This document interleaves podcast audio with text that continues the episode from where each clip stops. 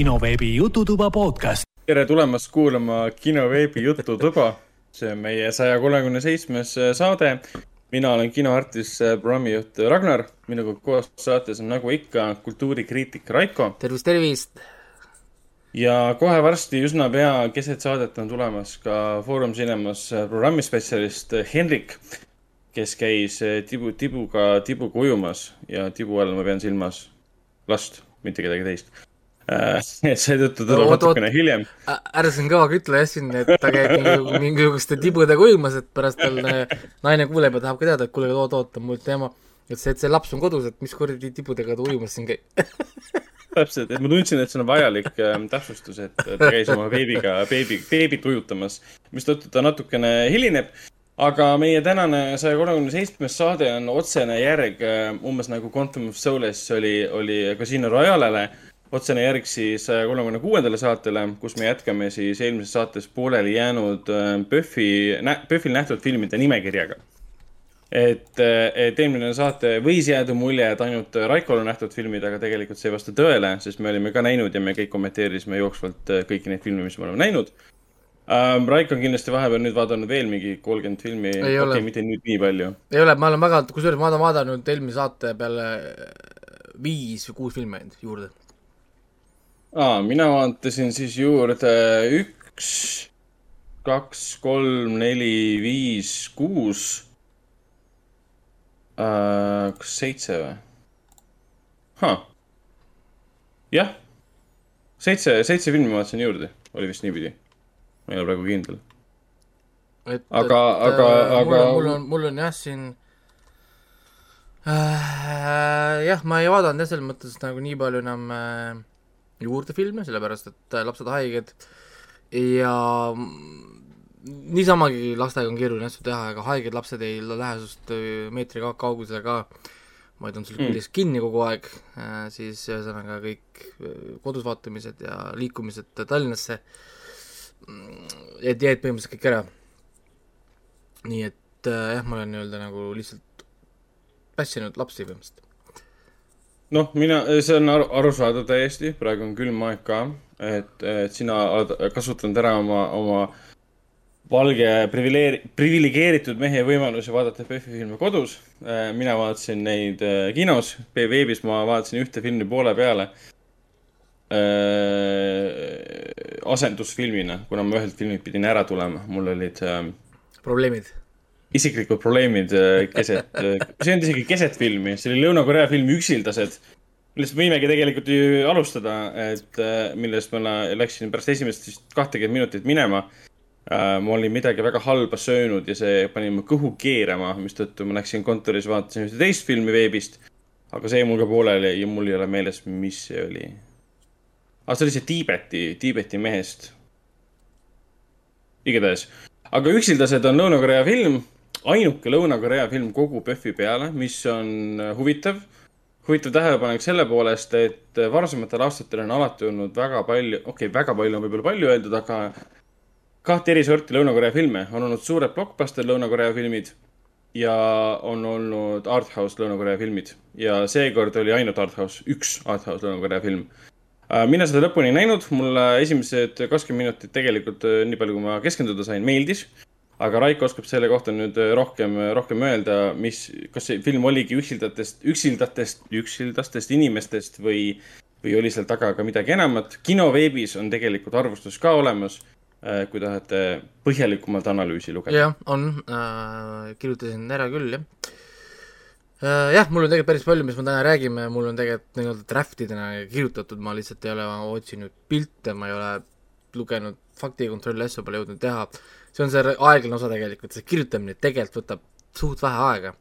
ülejäänud asjad võtab väga kaua aega. üle kontrollimised oh,, nimede kontrollimised, et ma kuskil valesti ei paneks pildid, kas need on õiged pildid, kas ma võin kasutada, kasutada neid pilte.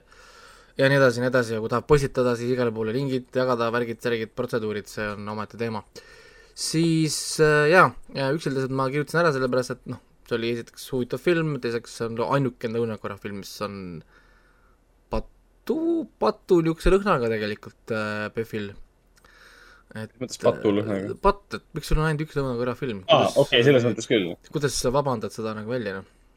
see-eest meil on palju Jaapani ja Hiina filme. jaa, Jaapani filme on ja Jaapani filmidest me räägime siis järgmine PÖFFi oma tõenäoliselt, sest siin on osad, mis ma hakkan nüüd vaatama. alles võtan ette, kui, kui maagiliselt seda aega kuskilt taevast mulle äh, sajab äh,. Aga olgu äh,, mis see on siis, see on põhimõtteliselt lugu moodsa ühiskonna niisugusest märkamatust probleemist, kus ähm, noored äh, on liiga ise iseseisvad mingis mõttes, et nad jäävad äh, koju, nad ei sotsialiseeru ja, ja siis nad harivad sellega ära, kuni punktini, et nad ei oskagi, ei oskagi enam suhelda, kui nad isegi tahavad suhelda. ja niisugune irooniline on see, et äh, filmi tegemise ajal see oli Aasia probleem, filmi ilmumise ajal see on globaalne probleem. sest äh, vahepeal käis üle pandeemia, mis siis harjutas ka võib-olla neid inimesi, kes ei olnud varem nii palju kodus, kodus olema ja, ja, ja see on siis naisrežissööri Hong Sung-wen, kuidas ma seda hääldan, igatahes niisugune esimene film äh, valesti. tõenäoliselt valesti, jah, sest minu nimed on, minu nimede hääldamine niikuinii äh, juba kurikuulsalt äh, hakkiv äh,, sama hästi võiks kirvega juba sinna lihtsalt lõigata.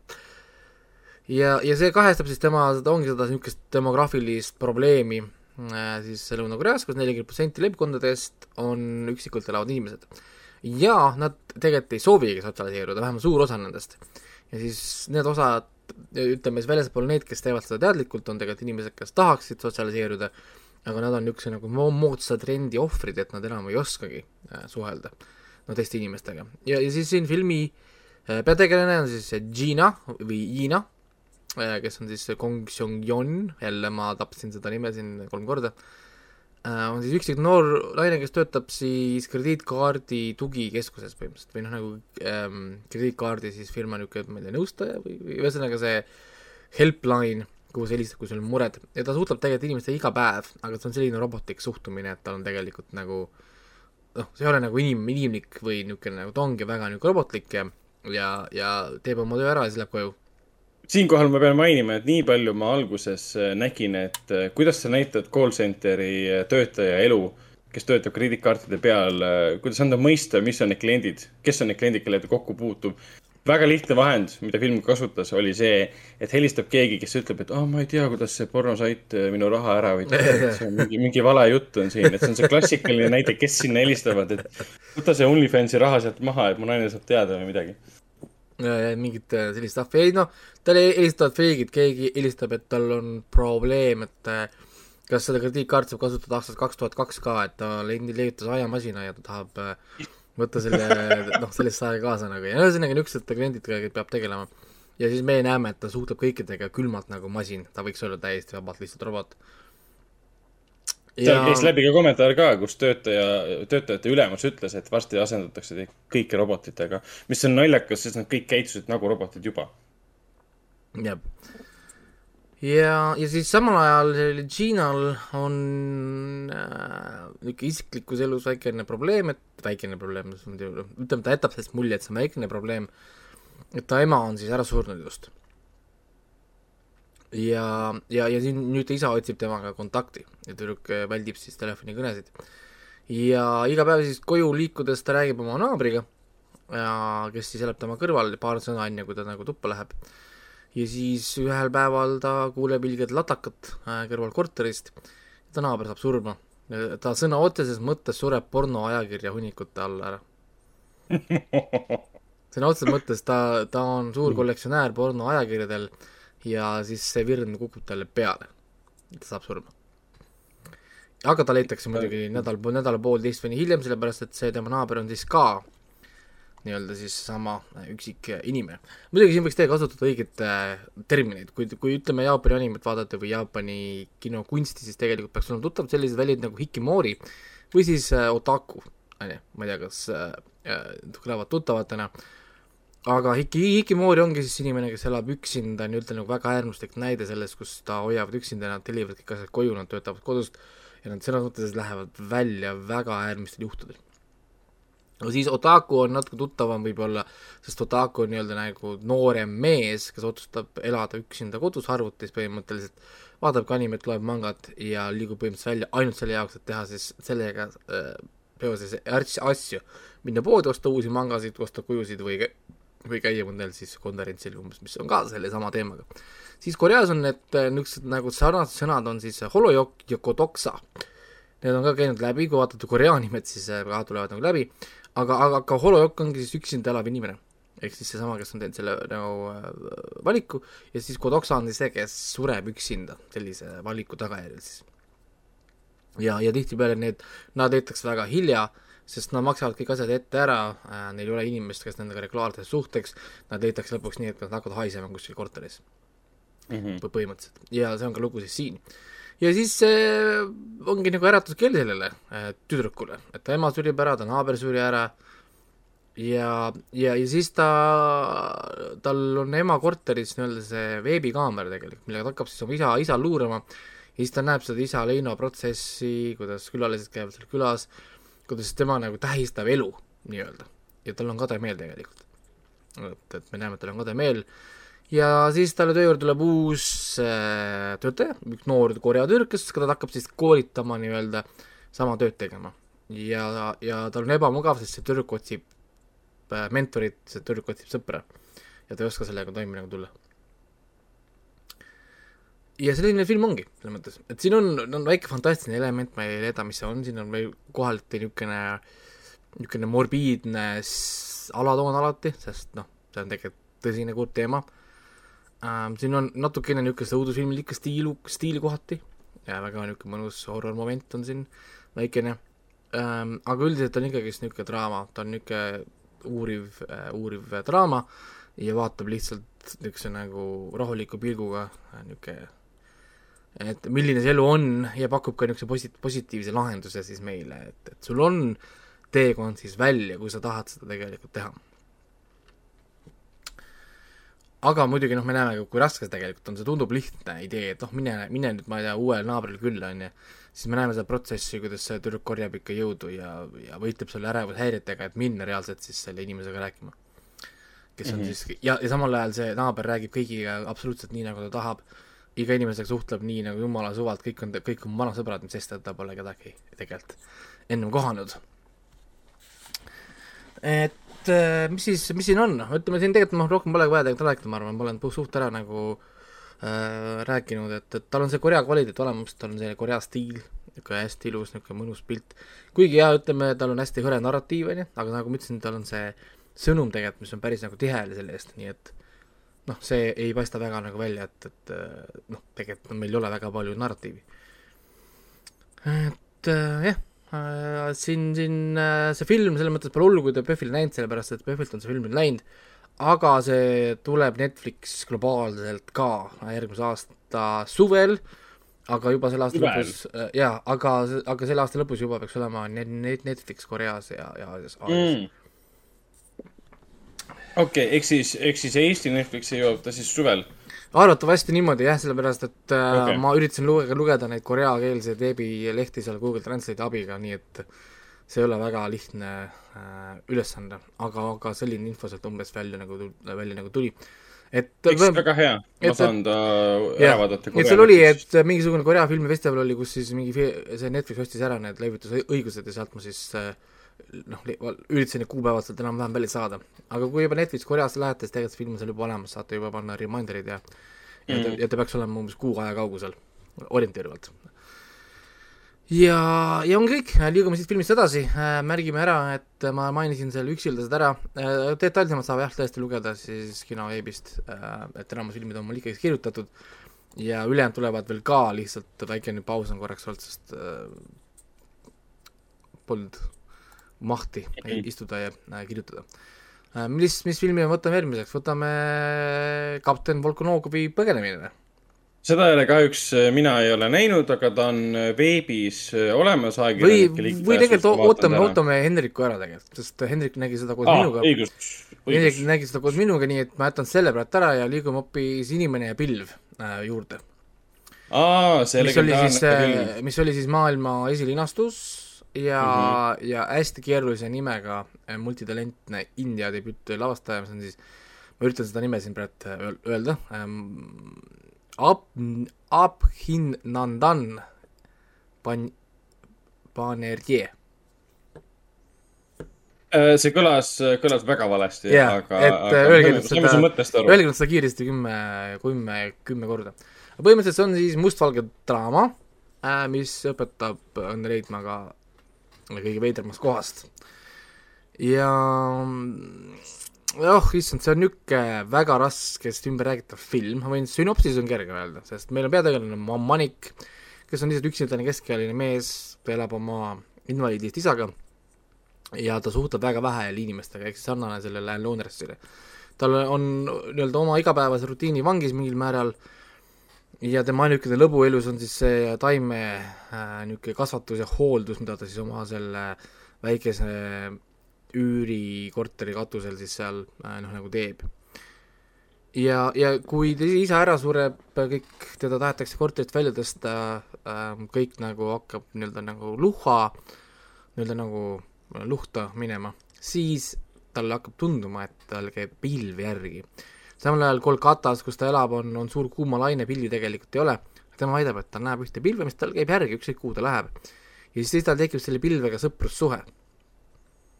Nad hakkavad omavahel juttu rääkima, ta läheb isegi kohtingule selle pilvega. ja, ja kuidas sa lähed pilvega kohtingule? vaatad filmi, siis saad teada, kuidas see okei kuidas see, kuidas see näeb, näeb äh, nagu välja.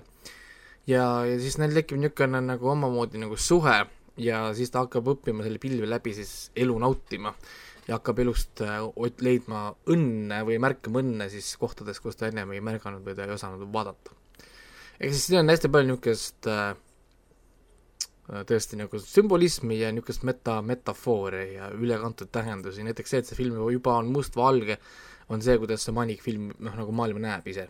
ta näeb maailma musta ja valgena, selles mõttes, noh nagu see on see, kuidas kuidas see temal nagu on ja siis kõik see niisugune armutu India linnad, see eluolu, see elukorraldus seal, kõik see katkine, kõik on katki ja kole ja, ja, ja mitte midagi ei tööta ja ja siis ütleme, et äh, hästi niisuguse huvitava visiooniga tegelikult film, kuigi jah, ta on megaaegline tempo selles mõttes, et kas see on vaikne film ka? see on tõesti vaikne, mega vähe dialoogi, hästi, hästi palju niisugust mõtisklemist, vaatamist ja ka kaameraga niisugust pildiga mängimist, et niisugune rahulik, et ja tean, ma räägin, et tõ-, tõenäoliselt ma ei tajunud ka siin igasugust väikest äh, detaili ja, ja nüanssi on ju. aga, aga mis on siin äh,, noh ongi äh,, ta on õnne, õnne otsimise lugu, ütleme, ja, ja see on siis selline ideaalne seiklus, nagu öeldakse introvertidele siis et kellele meeldib elada oma nagu peas, siis tõenäoliselt ja, ja kui, kui äh, ütleme, kui sa oled see inimene, kes vaatab aknast välja või lampi jääd vaatama mingit puulehte ja lähed selle oma mingisugusesse hullule äh, filosoofilisele äh, ma ei tea, mõttekäigule, onju, siis äh, Inimene pilv on täpselt see film, mida võiks vaadata.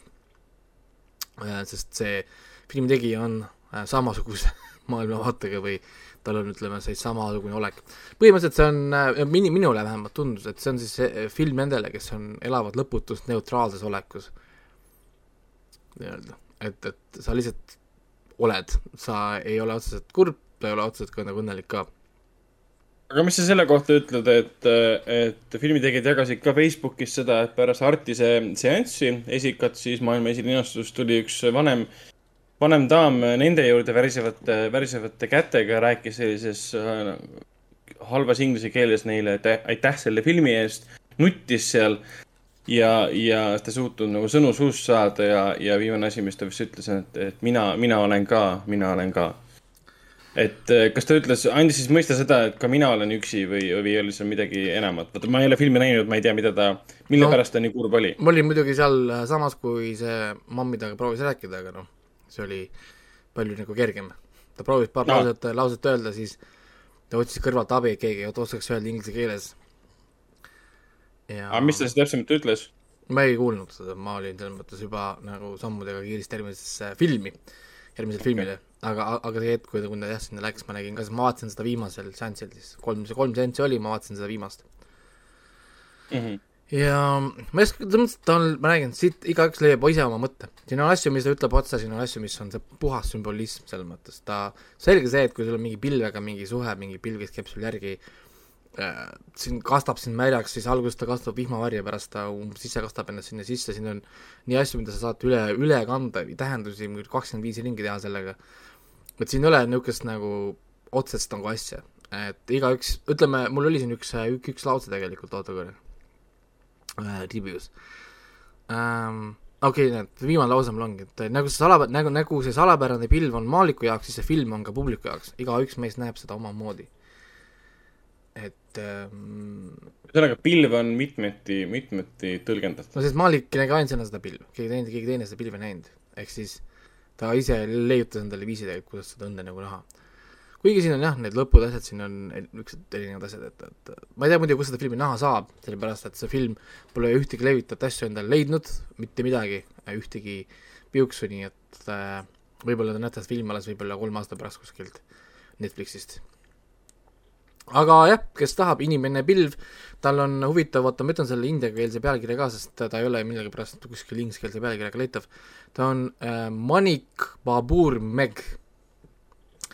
Manik Babur Meg on siis see äh, nimi, millega ta IMDB-st on leitav, tal hetkel pole seal veel ingliskeelset pealkirja äh,. muid-, ma ei tea muidugi, mis see nagu aitab, on ju ja huvitav, et seda filmi pole, polegi siin üldse ju. Aika on siin, okei okay,, ma leidsin seda üles, nii. liigume edasi järgmise filmi juurde, mis me, mis me nüüd võtame? võtame mõne minu filmi, mida sina pole näinud. no äh,, no äh,, no äh,, no, no, no. olin üks äh,, olin üks vähestest, äh, vähestest inimestest, kes käis äh, vaatamas Ungari filmi Evolutsioon.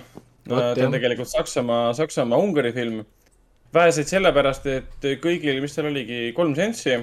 Äh, Tartus, äh, Tallinnas olid seansid, äh, olid vähe inimesi ja minu viimasel seansil, see oli laupäeval, kahekümnendal, oli ka tegelikult mingisugune kakskümmend inimest, tavaliselt sellisel kellaajal kella üheksa olid on... Artises saalid välja müüdud juba. et see on veider, sest mul polnud ühtegi filmi, kus oleks nii vähe inimesi olnud. isegi see Inimene pilv oli täiesti täis jaa, täpselt, et see on mingi kummaline efekt, aga ma arvan, et see efekt tulenebki sellest, et see film nagu räägib, räägib holokaustist.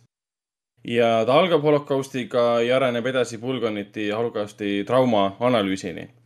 ja võib-olla see ehmatas inimesi ära, et pagan, võtaks jälle üks film holokaustist äh,, ei, ei taha enam. sest ma ei näe siin midagi muud. või on siis kõik äh, Eesti rahvas on lihtsalt äh, salamisi siuksed antisemiidid, kes ei lähe ei lähe seda filmi vaatama ma arvan, et see ei vasta tõele, aga mingi efekt siin oli, et inimesed ei, ei tulnud. Uh, mina läksin seda filmi tegelikult vaatama mitte, mitte sellepärast, et seal holokaust oleks nüüd teemaks olnud. Uh, see eriti rolli minu jaoks ei mänginud. küll aga sellepärast, et filmi reisijal on Cornel Mundroso ja stsenarist Kata Weber. mõlemad tegid siis minu eelmise aasta lemmikfilmi Pieces of a Woman, mida ma nägin siis Veneetsia filmifestivalil suures saalis, mis rabas mind südamepõhjani olgugi, et filmi teine pool ei suutnud enam nii palju rabada, aga see juhtub, kui sa teed nii tugeva alguse äh,, kui nagu sellel filmil oli. film algas siis kahekümneminutilise, oli see umbes kakskümmend minutit ühe kaadritseeniga. ja mõnes mõttes nad jätkavad sama asja. film hakkab kohe väga rabava stseeniga, mis kestab, ma vaatasin kella ka, viisteist, kakskümmend minutit, üks kaader. ja siis ülejäänud film kuidagi võib-olla ei kanna seda rabavust enam edasi, ta ei suuda enam mitte millegagi nagu nii-öelda haarata, sest see muutub nagu tavaliseks draamaks. või siis ta, ta peaks tegema kahekümne minutilisi lühifilme ja panema lihtsalt stopp peale seda ühte kaadrit. jah, või põhimõtteliselt jah, aga, aga ta, film kestab tund kolmkümmend seitse ja ta koosneb kolmest kaadrist. ta koosneb kolmest narratiivist, üks on holokausti ajal, siis kui Nõukogude Liit äh, vabastas erinevaid äh, siis kas Nõukogude Liit oli see, kes, Nõukogude Liidu armee oli see, kes vabastas Auschwitzi ähm, koonduslaagri, ma ei mäleta enam. aga üks suuremaid koonduslaagreid oli siis äh, Nõukogude Liidu poolt vabastatud, see on, algab sealt, äh, üks kaader kogu aeg, konstantselt. siis on teine äh, tseen, mis on siis, leiab aset, leiab aset siis kahe tuhandetel, mis, kus on järgmised põlvkonnad juba peal, kes siiamaani elavad seda holokausti traumat üle. jällegi, see põhimõtteliselt koosneb ühest, ühest kaadrist, miks ma ütlen põhimõtteliselt on sellepärast, et seal on näha peidetud kohti, kui kaader läheb, kaamera sõidab kuskile pimedusse näiteks, on ilmselgelt on sinna pandud lõige, aga see on peidetud. ja see leiab aset siis ühes kohas, ainult ühes korteris. ja kolmas on siis, kolmas on siis ka samuti üks kaader. seal mul läks endal sassi juba, kas oli üks kaader?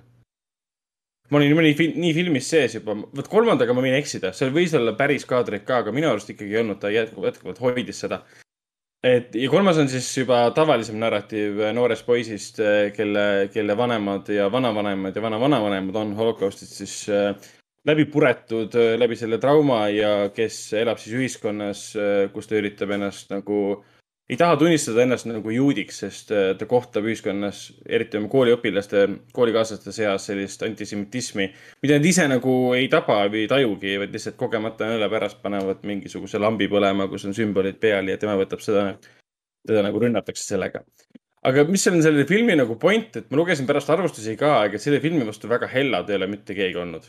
see on, kõik ütlevad, et see on selline, üks ütles eriti karmilt, et ta on nagu holokausti porno.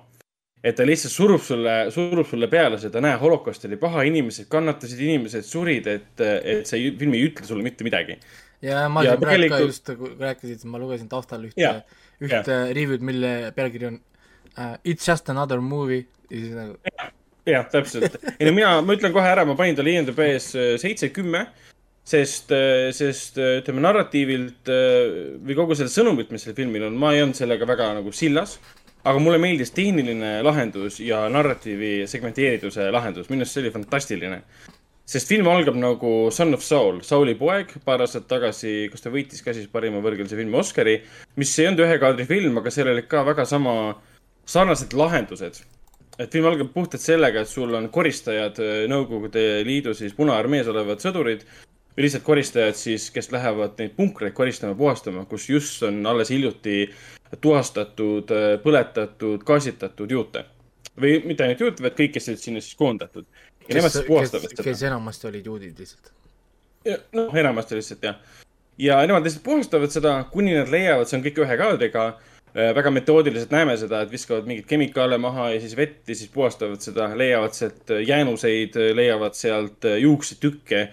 Ja seal tekkiski see üks element sisse, imelik sümbol, mis, mis on selle filmi nagu keskne teema. ta kasutab sümboleid väga realistliku elemendina, mis ei ole loogiline ma kohe selleni jõuan, aga, aga point, kogu narratiivi point on jah selles, et nad koristavad seda ruumi, kuni nad kuulevad lapse nuttu ja leiavad siis mingi sõrestiku alt ühe lapse toovad ta siis välja, teevad ta korda, puhtaks, vaatavad üle ja viivad minema sealt laagrist. siis tseen nagu lõpeb tohutu suure ja võimsa kaadriga, kus me näeme kogu seda võimast laagrit, kus on nagu kohutavalt palju inimesi surnud ja kohutavalt palju neid kambreid ja majakesi.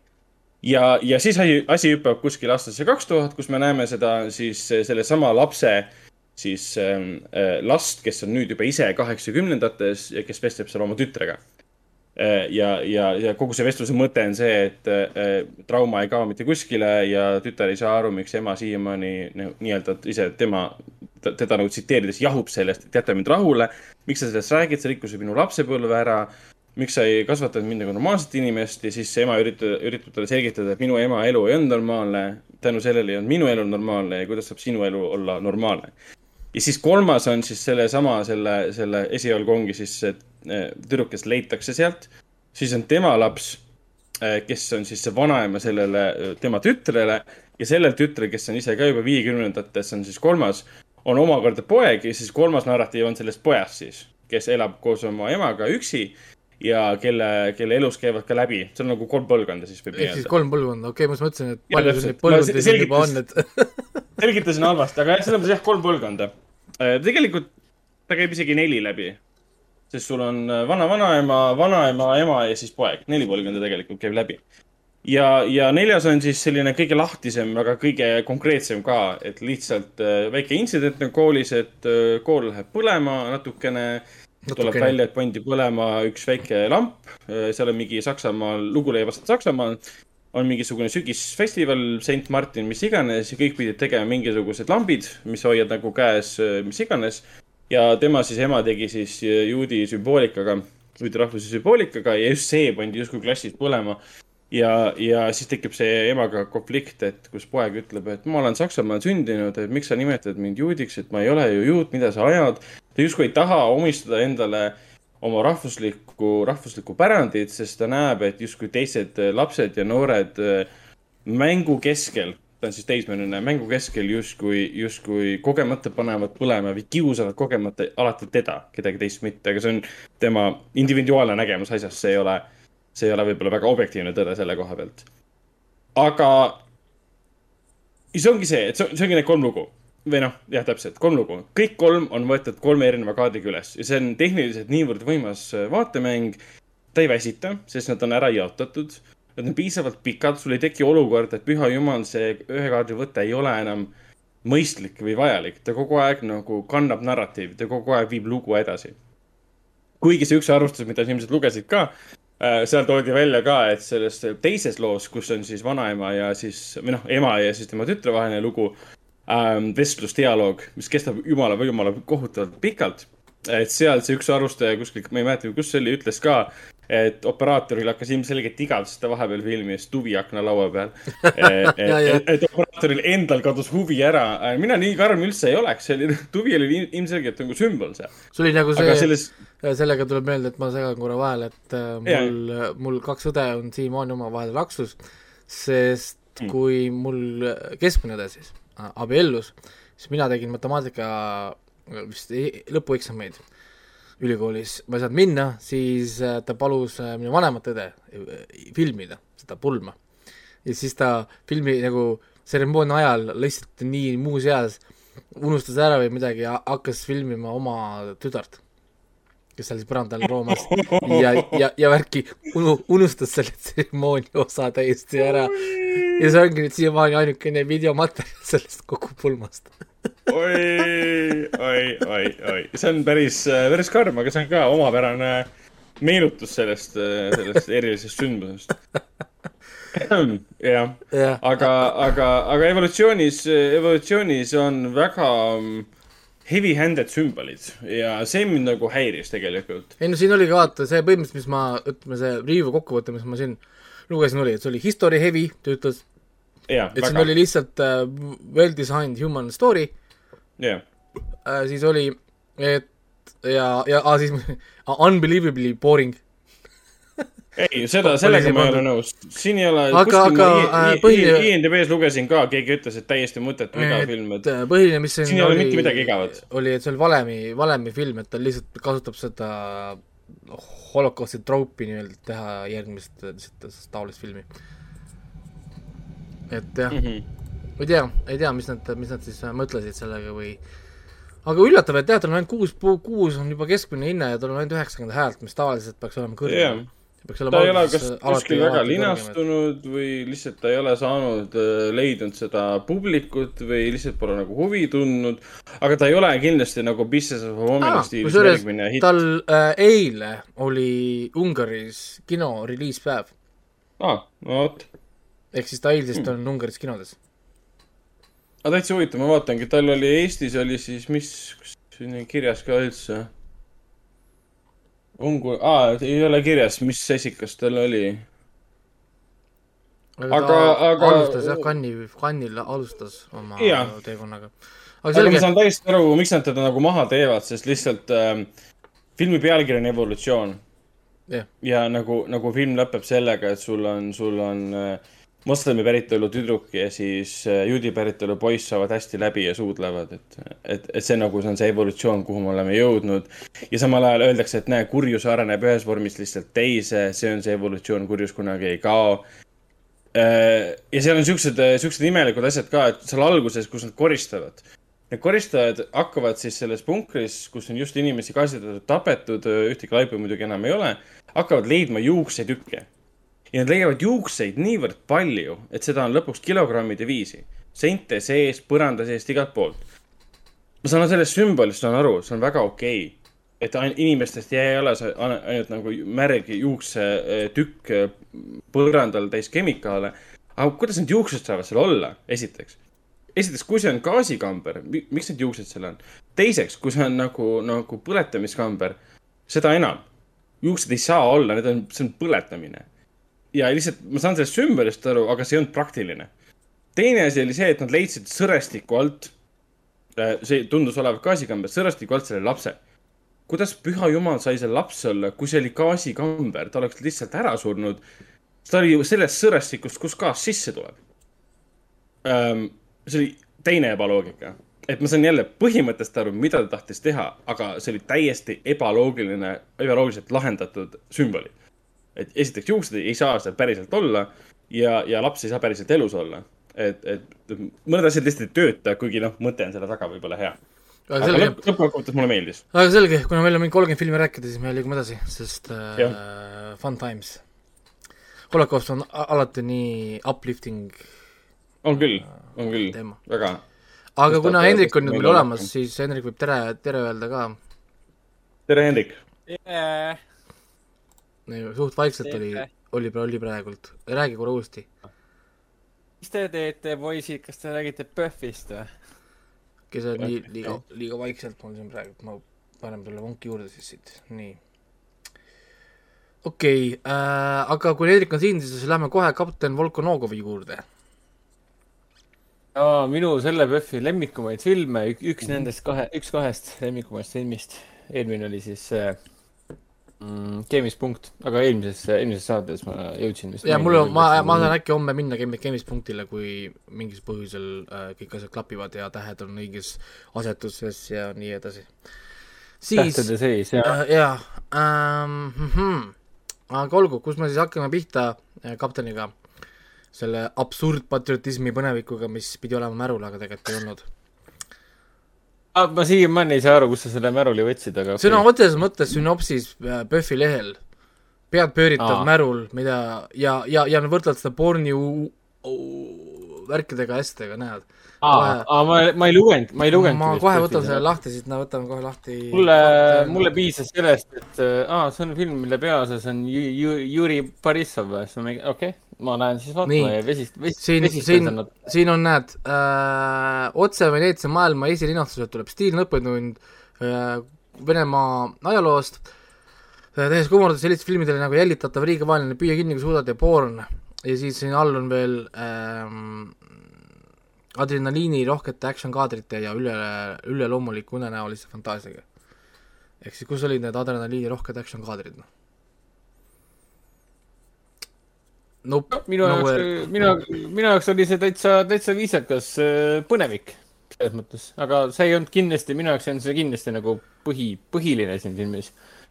Ma ei oodanud, et ta oleks põnevik või märul, ma eeldasin, et see on lihtsalt oh, okei, aga, aga kõigepealt lähme tagasi, punane see, millist see film üldse räägib, siin on esiteks, siin on Eesti osalus on selle filmiga, meil. On siin Eesti operaator Mart Daniel, kes ka tegi äh, osaliselt stsenaariumit, ta ütles kuskilt sealt värki, tal eriti, eriti uhke, et ainult enne, filmi veel tal mingisugune stsenaariumi auhind kuskilt ka, ehk siis haipisid veel filmi üles, et noh, nagu et, et seda ikka võimalikult kas see oli Moskva mingi festival või Jah. mingi Vene festival vist? et talle anti, siis lisaks on siin veel see Taivo Tenso, kes on siis valguse taga ja helirežissöör Matis Rei ka. ehk siis siin on Eesti mehed nii-öelda äh, asja kallal siis, ütleme selle filmi juures. film ise on siis tuhat üheksasada kolmkümmend kaheksa Leningradis ja, ja meie siis loo kangelane on siis see äh,, issand, mis ta nimi oli juba, Borissov, Juri Borissov jah, issand, võib-olla yeah. kes kehastab siis äh, nii-öelda Vene timukat siis Fjodor Volkonogov, Volkonogov jah, Volkonogov. ja, ja tema töö ongi lihtsalt siis sõna otseses mõttes piinata inimesi, saada nende ülestunnistusi, siis seejärel viia nad, nad hukkamisele põhimõtteliselt. no ja, ja niimoodi tema igapäevane töö on, kuni ta saab teada, et need inimesed, keda nad hukkavad, on tegelikult kõik süütud. vaid need, need tehakse lihtsalt nii-öelda nagu äh, hirmutamiseks või nagu teistele eeskujuks, et, et teised hoiaksid suud kinni ja nii-öelda nad oleksid su- suuremad patrioodid, kui nad tegelikult juba on, nii-öelda, et nagu ennetada kuri, kuritegevust.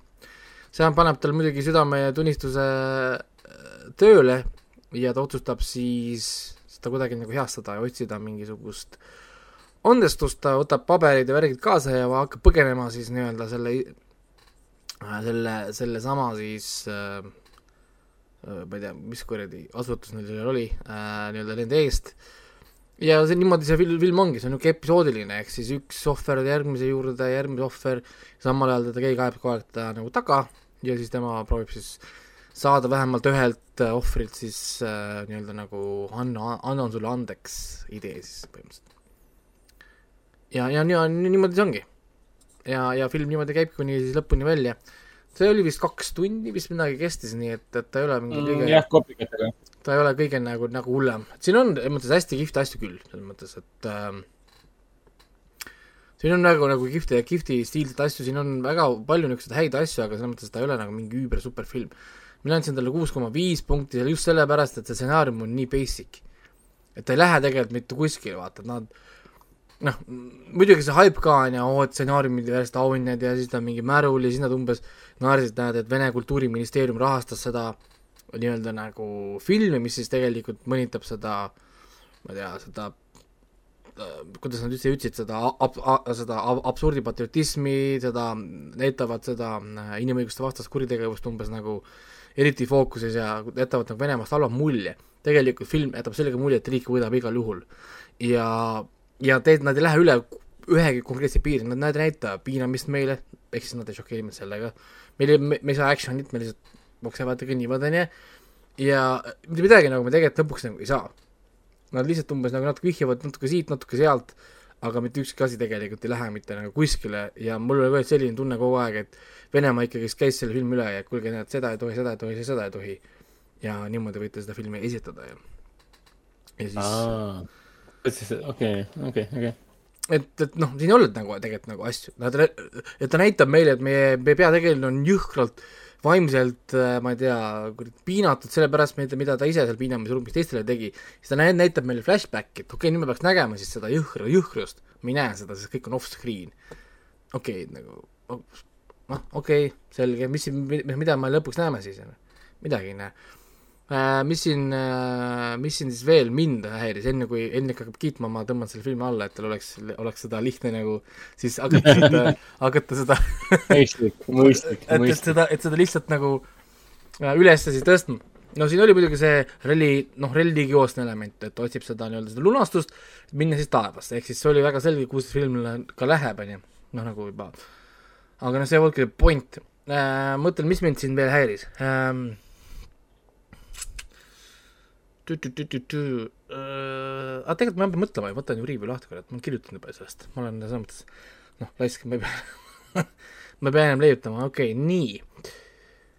Äh,. mis ma siis vaatan, ma, ma kiitsin Juri Borissovit, et, et tema oli küll Juri on geniaalne. oma, oma nagu niisugune rollis hästi, hästi nagu hea ja ma ei süüdista teda sellepärast, et ta karakteril on puudujäägid paberi peal nii-öelda. see, mis tal oli, seda ta tegi nagu ära äh,. nii, vaatame, mis ma siis siin veel tõin ah,, ma äh, kiitsin seda huumorit, süsimusta huumorit, mis siin oli, see oli väga hästi aja, aja, ajastatud ja see osa küll toimis, kuigi see oli ainult ajutine leevenduses, leevendus loogikaaukudele tegelikult. siin oli omajagu neid loogikauke, mul oli küll nagu väga raske oli nendest vahepeal mööda, mööda, mööda vaadata. ja, ja nüüd ma siiamaani ei tea, kas oli tahtlik paroodia kohati või, või see lihtsalt kukkus nii välja, sest nad ei saanud teha asju nii, nagu tahtsid, onju. Siis kiidan muusikat äh, for obvious reasons, sest äh, see film tutvustas, tutvustas sellist asja nagu Short Paris, Vene eksper-, eksperimentaalmuusika gruppi, bändi, ma ei tea, seltskonda, kuidas nad ennast nimetavad. ma eeldan, et venelastele vist see short Paris, mina loen seda kui lühike Pariis, aga tõenäoliselt venelased loevad, et see on mingi tead, noh, tehtud sõna, mida ja mingisugune, mingi, mingi, mingisugune tšort, noh, seda aru, tšort Short, Paris või Jah. Short Paris. tšort Paris või, või kuidagi, whatever. ühesõnaga, me nimed niikuinii putšerdame siin ära, kinoveebis saates me putšerd-, putšerdame iga kui viimse nime, mis siin tuleb, saab meie käest kirvest. me lõikame kõik nimed nimed kandiliseks. Ja mm. -hmm. ja muusika oli kihvt, üldse mitte ainult nagu see Short Paris oma, vaid üldse see muusika oli kihvt, see laulu, mis nad laulsid, oli kihvt.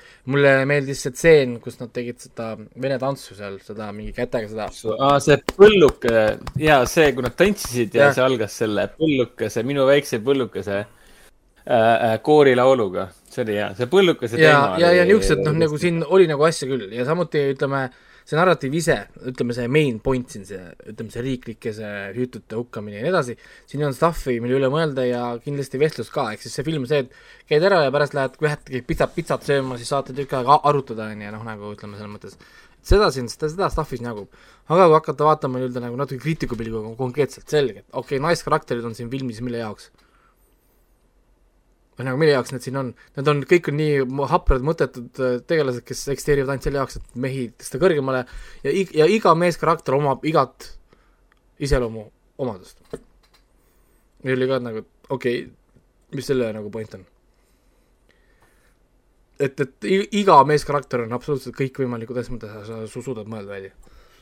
ehk siis nagu noh, ma, ma tegin siin ka nalja, et, et need, et stsen- stsenaristid ütlevad, kuulge, et äh, kui palju äh, nagu erinevaid iseloomu omadusi me selle kaptenile paneme, et jess, et okei ahah, okei ja, ongi Ah, et, et ja selles mõttes mulle film meeldis, aga lihtsalt kui ma oma punktitabelit täitsin, siis ikka nagu puudujäägid olid nagu selged.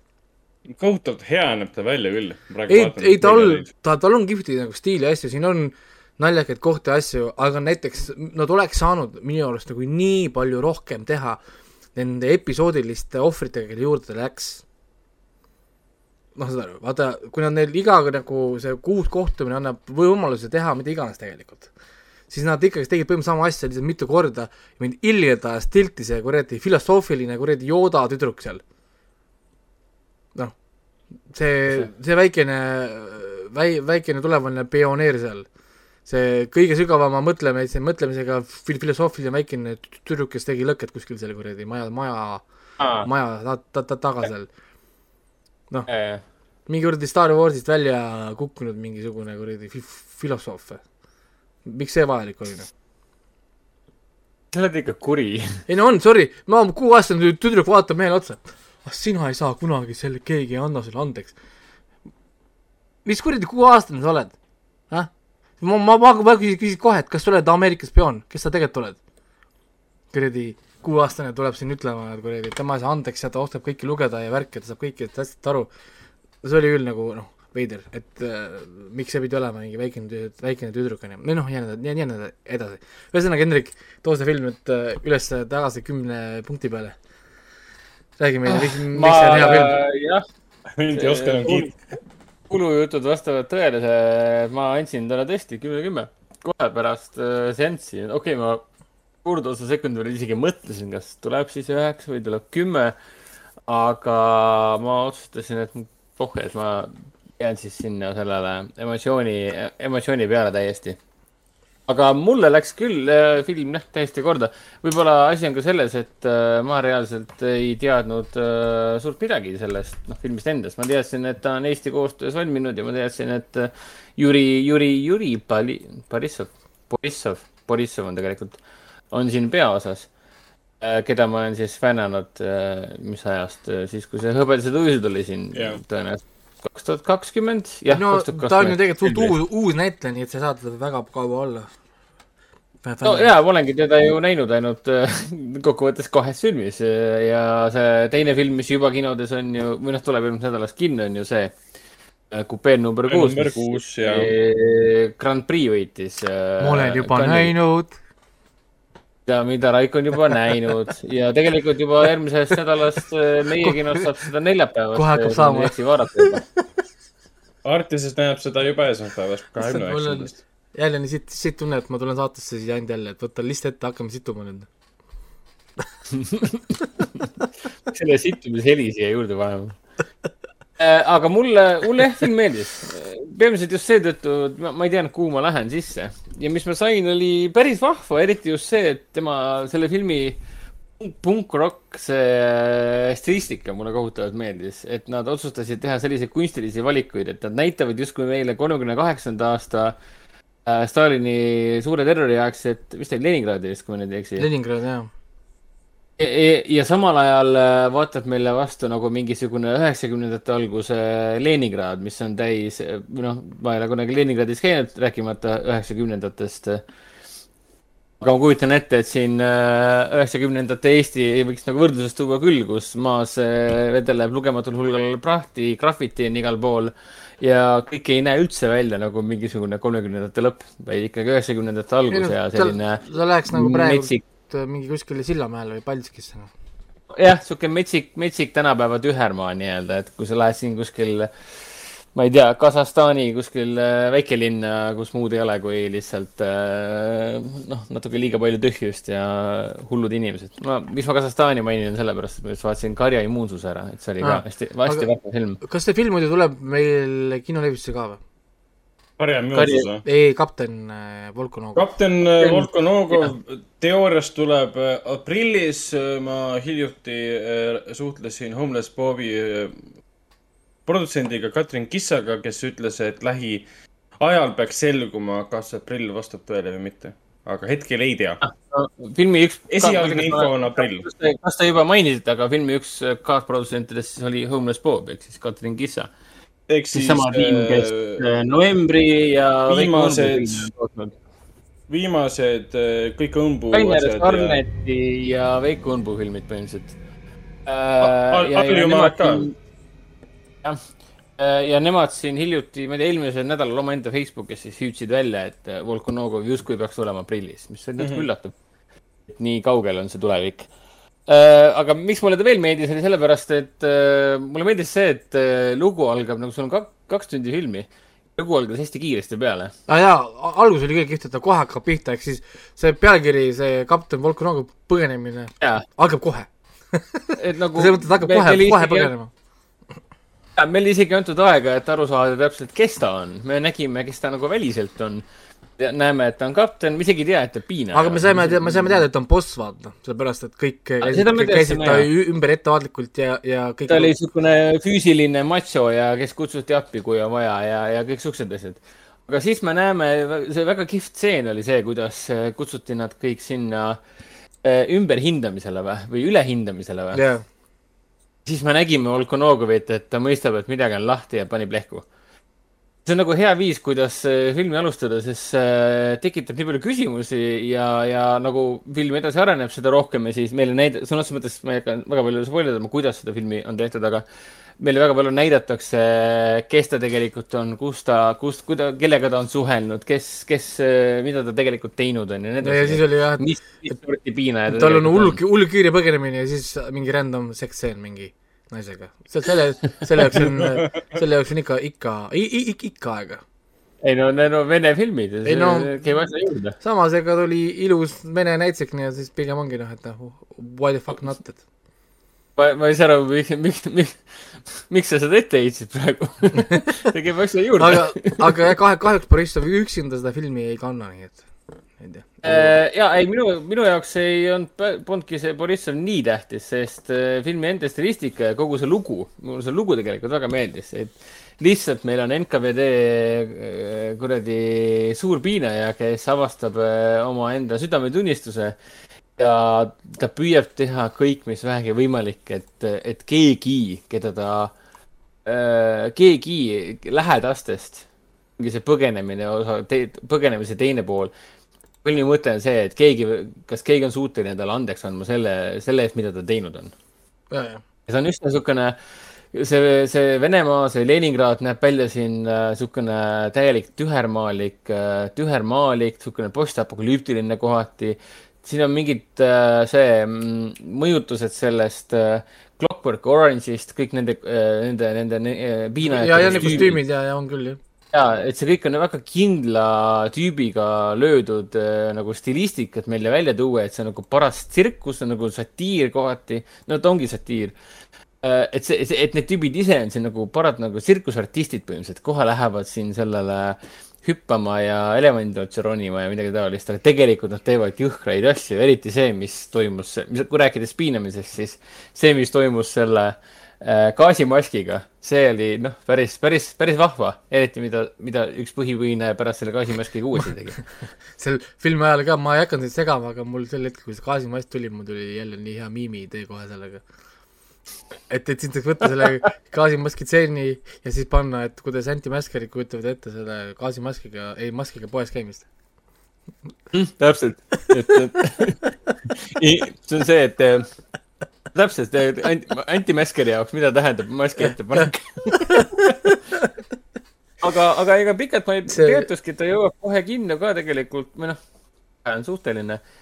aga mulle meeldis küll, ma ei ole Aleksei Tšupovi ja Natasja Merkulova, kes on siis abielupaar, kes selle filmi kirjutasid ja lavastasid koos, kirjutasid koos Mart Danieliga Nad on varem lavastanud sellise filmi, mille nimi oli äh, Mees, kes üllatas kõiki.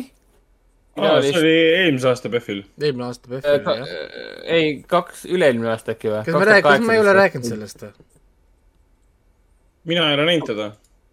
mina ei ole toda näinud küll jah, see tuli pärast kinno ka okei okay.. ja ta võis Tuli olla. PÖFFil küll kaks tuhat üheksateist november jah. september, oktoober, veidi kahtlane. Ma ei ole seda näinud, aga mul okei üks, aga kuulge, Silvi, me peame liikuma edasi, meil on kakskümmend pluss filmi minna, me ei, me ei saa nii aga ma mainiks, mainiks veel nii palju, et äh, hea sõber pärast seanssi ütles ka, et ta vaatas äh, Tšupovi ja Merkulova eelmise filmi ka ära ja avastas, et oh, see oli hea film. noh, selle tan-, tandemil tasub siis silma peal hoida. ja kihvt okay. film, soovitan kindlasti üles leida. jaa, aga liigume kohe edasi, ma teen, milline film, mis ma vaatasin, siis teeme kiiresti ära, sest me jäämegi muidu siia ja me lõpuks jõuame kümme filmi ja kolm tundi ja siis me peame tegema Mm, viisteist PFR-i. aga olgu äh,, räägime filmi siis kohta üks lause. võimatu. see, okei, ühesõnaga ühesõnaga me liigume dokfilmi juurde, Lõhki rebitud siis või Torn, Ameerika oma, mis räägib sellest kuulsast mägironijast Max Lowe või Lo-, vist Lowe, jah, pigem hääldus. Mitte Max Lowe, vaid issand Alex Lowe, Max Lowe on siis tema poeg, kes seda filmi teeb. ja ma, ma läksin sinna sellepärast, et see tundub mulle huvitav premise, ma vaatasin seda treilerit ja, ja mõtlesin fuck it, et lähme vaatame. ja täissaal oli see on jälle see, millest sa rääkisid. Jaa, ma see on rääkisin sulle. ja tal on, tal on hästi. huvitav premise ja see on üks nendest dokumentaalfilmidest, mis tõesti saab tegelikult juhtuda ainult korra, üldse. sest siin on nii palju kokkulangemisi, et seda ei saa enam kopeerida, isegi kui sa tahaksid midagi taolist teha äh,. siis äh, kes on Alex Lowe, on kõigepealt küsimus. ehk siis äh, lähme natukene ajas tagasi, ehk siis kaheksakümnendate keskel umbes või nii äh, oli siis üks Ameerika mägironija äh, nimega Alex Lowe äh,, kes nii-öelda oli ülisuper kir-, kirglik mägironija nagu, nii nagu paljud teised, aga tollel ajal mägironimine polnud mainstream absoluutselt. ja siis tema viis selle mägironimise tegelikult nagu mainstream'i. Ehk siis ta oli selles üüberhea, võttis mega palju riske ja, ja sai nagu kuulsaks selle mägironimisega ja ta sai nii kuulsaks, et teda käisid kaamerad tal kaasas, ta tegi mingit BBC-dele ja igasugustele asjadele mingeid ronimise erisid, filme, mingeid klippe, intervjuusid, eks ta oli kuulus, ta oli ajakirjade esikaantel ja värkidel. teiseks, mis ta oli veel eriline, oli sellepärast, et tal oli perekond. põhimõtteliselt mitte ühelgi teisel mägironijal polnud isegi kaaslaseid, sest nad olid üksikud inimesed, sest nad pidid kogu aeg olema mägedes ja nad olid konstantses ohus, et nad surevad ära. kas siis kukud alla, ma ei tea, kivid kukuvad sulle peale, mis iganes asi sul juhtub, vaata, sa lihtsalt sus- võid nagu ära surra, siis keegi ei tahtnud tegelikult seda nii-öelda nagu äh, niisugust nagu ekstra koor-, noh, koormat enda võtta, mis on perekond, aga tal oli pere ja kolm poega ka veel. ja on siis naine. ja, ja kõik tundus minevat nagu hästi, ehk siis ähm, aga nagu, nagu nii, nagu me siis nagu näeme siin või noh, nagu näeme või aja, ajaloost teame, et viiendal oktoobril tuhat üheksasada üheksakümmend üheksa Alex Lowe sai surma. Tiibeti mägedes jäi laviini alla.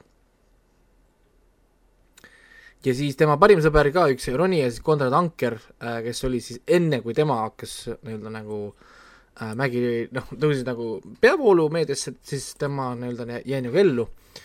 ja, ja võttis siis tema kohustused põhimõtteliselt kõik üle. kõik kohustused võttis üle, kaasa arvatud naise ja laste kasvatamise. ja, ja ta, ja ta võttis need kohustused üle kolm kuud peale mehe kadumist. kolis juba sisse kas see oli nagu heasüdamlik käitumine või? jaa, ei noh, ja, ja, see ei kõla nagu eriti hästi. ja, ja, ja kaks tuhat seitseteist neile helistati Tiibeti mägedest, üks mägironija leidis ülesse Max Lowe. elus? aa, ei, laibais. ei, ei, leidis üles Max Lowe laiba, kui jää kõik sulavad ju, liustikud, asjad, ja tal oli Mm. kaamera oli kaasas, kus pildid, asjad, värgid sees ja see kaamera töötab, oh my god, nii. onju. ja, ja siit hakkabki see story või noh, nagu mitte ei hakka story, vaid nagu sellest ongi see story ja siis tema kõige vanem poeg, kes en- endiselt perekonnanimega Max Lowe, kõik, kaks vanemat poega võtsid perekonnanimeks endale Anker oma isa järgi, keda nemad mäletavad oma ainsisana. ainukene, kes mäletab äh, Alex Lowe'd, on siis see kõige vanem poeg Max Lowe, kes selle filmi tegi ja lavastaja.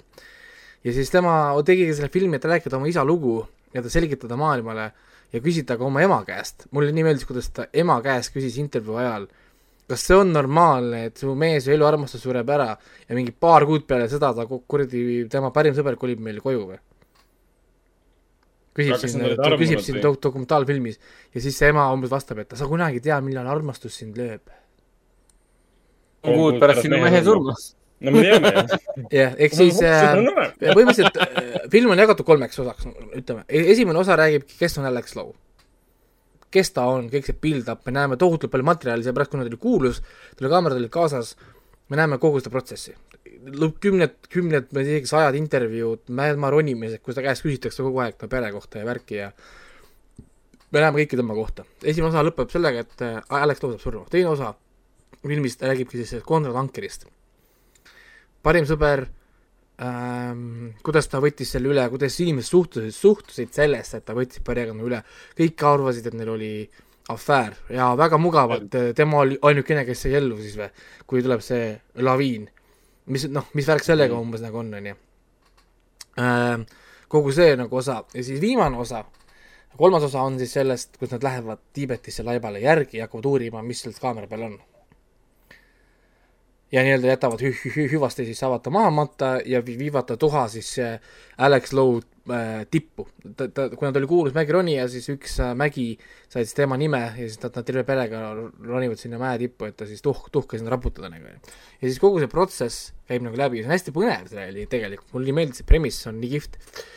ja, ja siin on nii haledaid kohti muidugi ka, me näeme neid, kuidas need lapsed ütlevad isale, et ta ära mine enam mägi roni, ma olen meiega kodus ja värki. Ja mees proovib natuke aega olla kodus, aga ta kui muutub kodus närviliseks, ta läheb tigedaks, agressiivseks muutub ja peab ikkagist minema mäkke nagu tagasi. Mhm.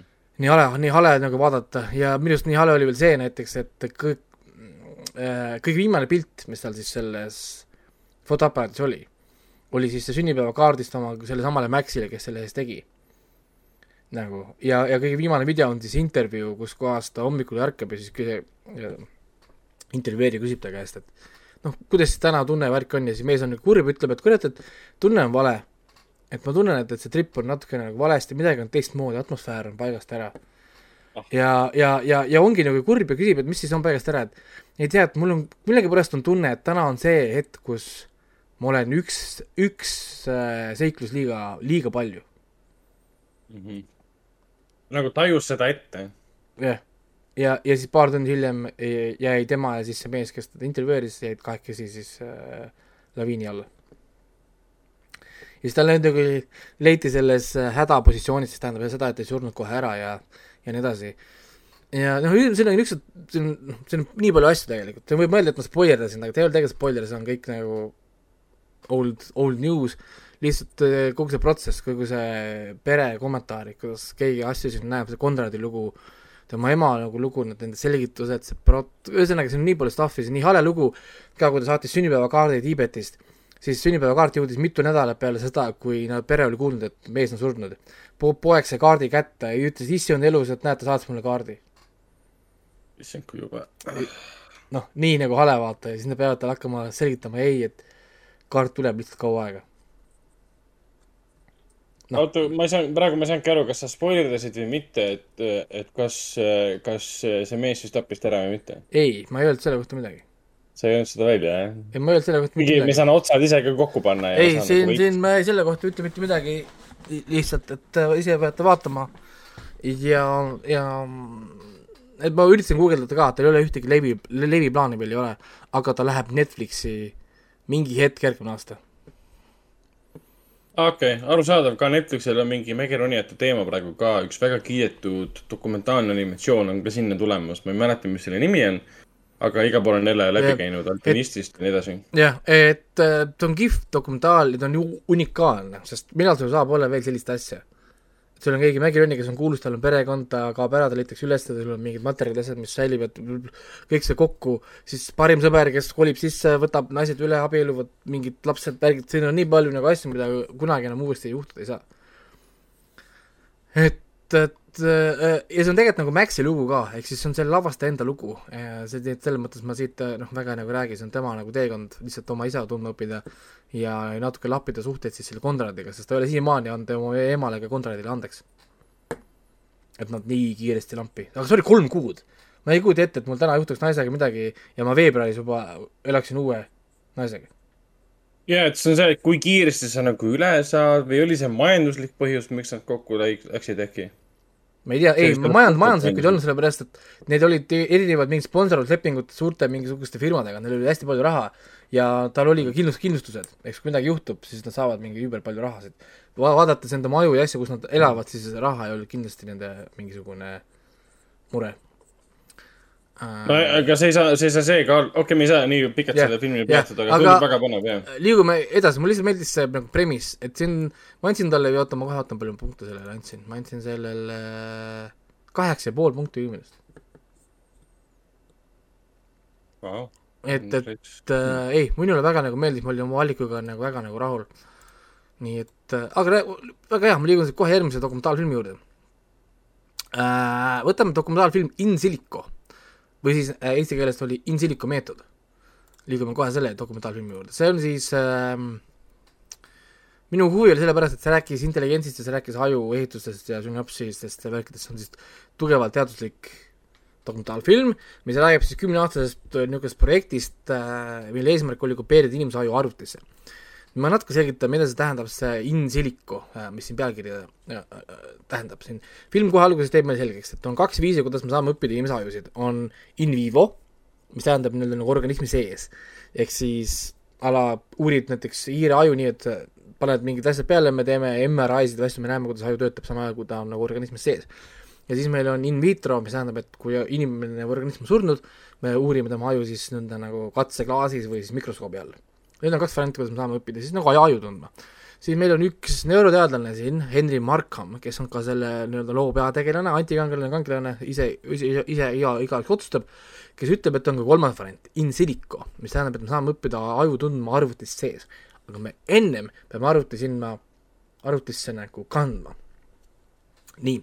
Ja, ja siis sellest ka tuleb ka, ütleme, see pealkiri ja film ise tegelikult räägibki siis äh, niisugusest projektist, mille nimi on Sinise aju projekt või siis nagu Blue Brain Project, mis pro-, point oligi siis mingi üübersummadega, mingi miljard dollarit või whatever, mingid debiilsed summad, et äh, inimese aju viia üle arvutisse, et superkompuuter või noh, see äh, superarvuti siis nii-öelda nagu simuleeriks sünapsised ja muud protsesse, mis käiks ja siis sellest räägibki, see on kümme aastat tehtud dokum-, dokumentaalfilm. kümme aastat, ehk siis see Noah Hutton, kes selle filmi tegi, oli terve selle projekti aja selle Henry Markhami kõrval.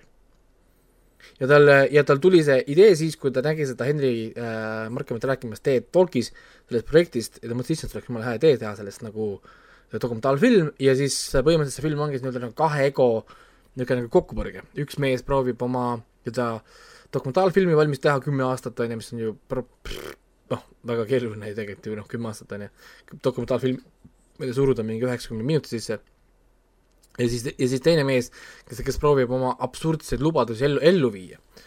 noh, nagu seesama Henry, Henry Markham, on ju. ja siis dokumentaalfilm on selles mõttes noh, klassikaline, siin on palju rääkivaid peasid, tema kolleegid käivad umbes ütlemas, ke-, kes mõni ütleb, et ta on kuradi järgmine Einstein, ta on kuradi innovaator, on ju, siis teised ütlevad, et ta on idioot ja ja, ja ta absoluutselt ei ole nagu reaalsuses, sellepärast et see asi, mida ta teeb, ei ole teadus, kuna me ei saa seda kritiseerida, sest ta alati ründab meid, kui me proovime kritiseerida, see on mingi ideoloogia, see on nonsense, seda ei saa niimoodi teha, sest inimese aju on täna veel meie jaoks liiga keeruline, et seda sellisel kujul ümber kopeerida, siis tuleb keegi teine, kes ütleb jälle, et noh, et, et on küll keeruline, võimatu, aga Henril on umbes hea nagu idee, see on umbes edasiviiv protsess, samal ajal meil on siis poliitikud, kes lihtsalt, lihtsalt rahastavad projekte, et nad mõistaks, et nad ei saa aru tegelikult projektist mitte midagi, näitab, kui vähe tegelikult äh, poliitikud jagavad poliiti-, noh, seda nagu teadust, ja ta on niisugune hea pilgu heitsis nagu selle teaduse nagu telgi taha, kuidas tegelikult neid protsesse, protsesse rahastatakse ja kui palju raha läheb tühja projektide peale tegelikult ja see on mingi miljardi veel peale, miljard ehk siis tuhat miljonit euri mingi projekt, mis läheb põhimõtteliselt nihu. sest see on läbi, me pole ju täna, meil ei ole mingit inimaju kuskil arvutis. me teame, et see läheb nihu. aga see protsess, kuidas see nagu käib ja point on tegelikult selles, et kümme aastat on ise pandud tähtaeg. Henri see Markham ise pani selle tähtaja endale, mitte keegi ei käskinud tal teha seda kümne aastaga mitte keegi ei mm -hmm. öelnud talle, et ta peab tegema seda kümne aastaga, välja, välja arvatud nagu noh, ise. et ähm, noh, selles mõttes ta on sügavalt niisugune nagu teaduslik dok, selles mõttes, kuigi jah, nad selgitavad kõik nagu protsessid, protsessid ära. filmi alguses nad räägivad kõik asjad ära, mis sul on vaja teada sellest neuroteadusest, et sa saaksid film, filmist aru. aga ikka ta võtab nagu, nagu omajagu jälgimist, sa pead fokusseerima, sest sa muidu magad nagu väga palju asju nagu maha ja ta on kihvt selles mõttes, lihtsalt idee, et keegi suutis kümme aastat ikkagist nagu kaasas käia ja värki ei olnud, on kihvt muidugi samal ajal muidugi, kui nad oli kümme aastat sellega kaasas, see teema pakub talle huvi, siis ta suudab meile seda nagu hästi edasi anda, pluss noh, nagu ta ei ole tegelikult ise ka objektiivne enam. sest kümne aastaga tal on selgelt oma mingid noh, niisugused nagu kalduvused tekkinud. no see selleks, selles mõttes, et ma olin väga nagu rahul sellega äh,, seda oli paar korda nüüd äh, PÖFFi jooksul ja tuli hommikuti, mitte hommikuti, vaid see varakult jooksis kogu aeg. ma käisin seda vaatamas mingi kella kahene seanss sel päeval. Ja, ja, ja kus seda nüüd vaadata saab, ma ei tea, mul pole õrna aimugi, sest seda filmi ma pole uurinud, kus ta nagu liikuma nüüd hakkab nagu äh, pärast. aa, siis saab veel maad uurida, et äkki ta varsti tuleb kuskile.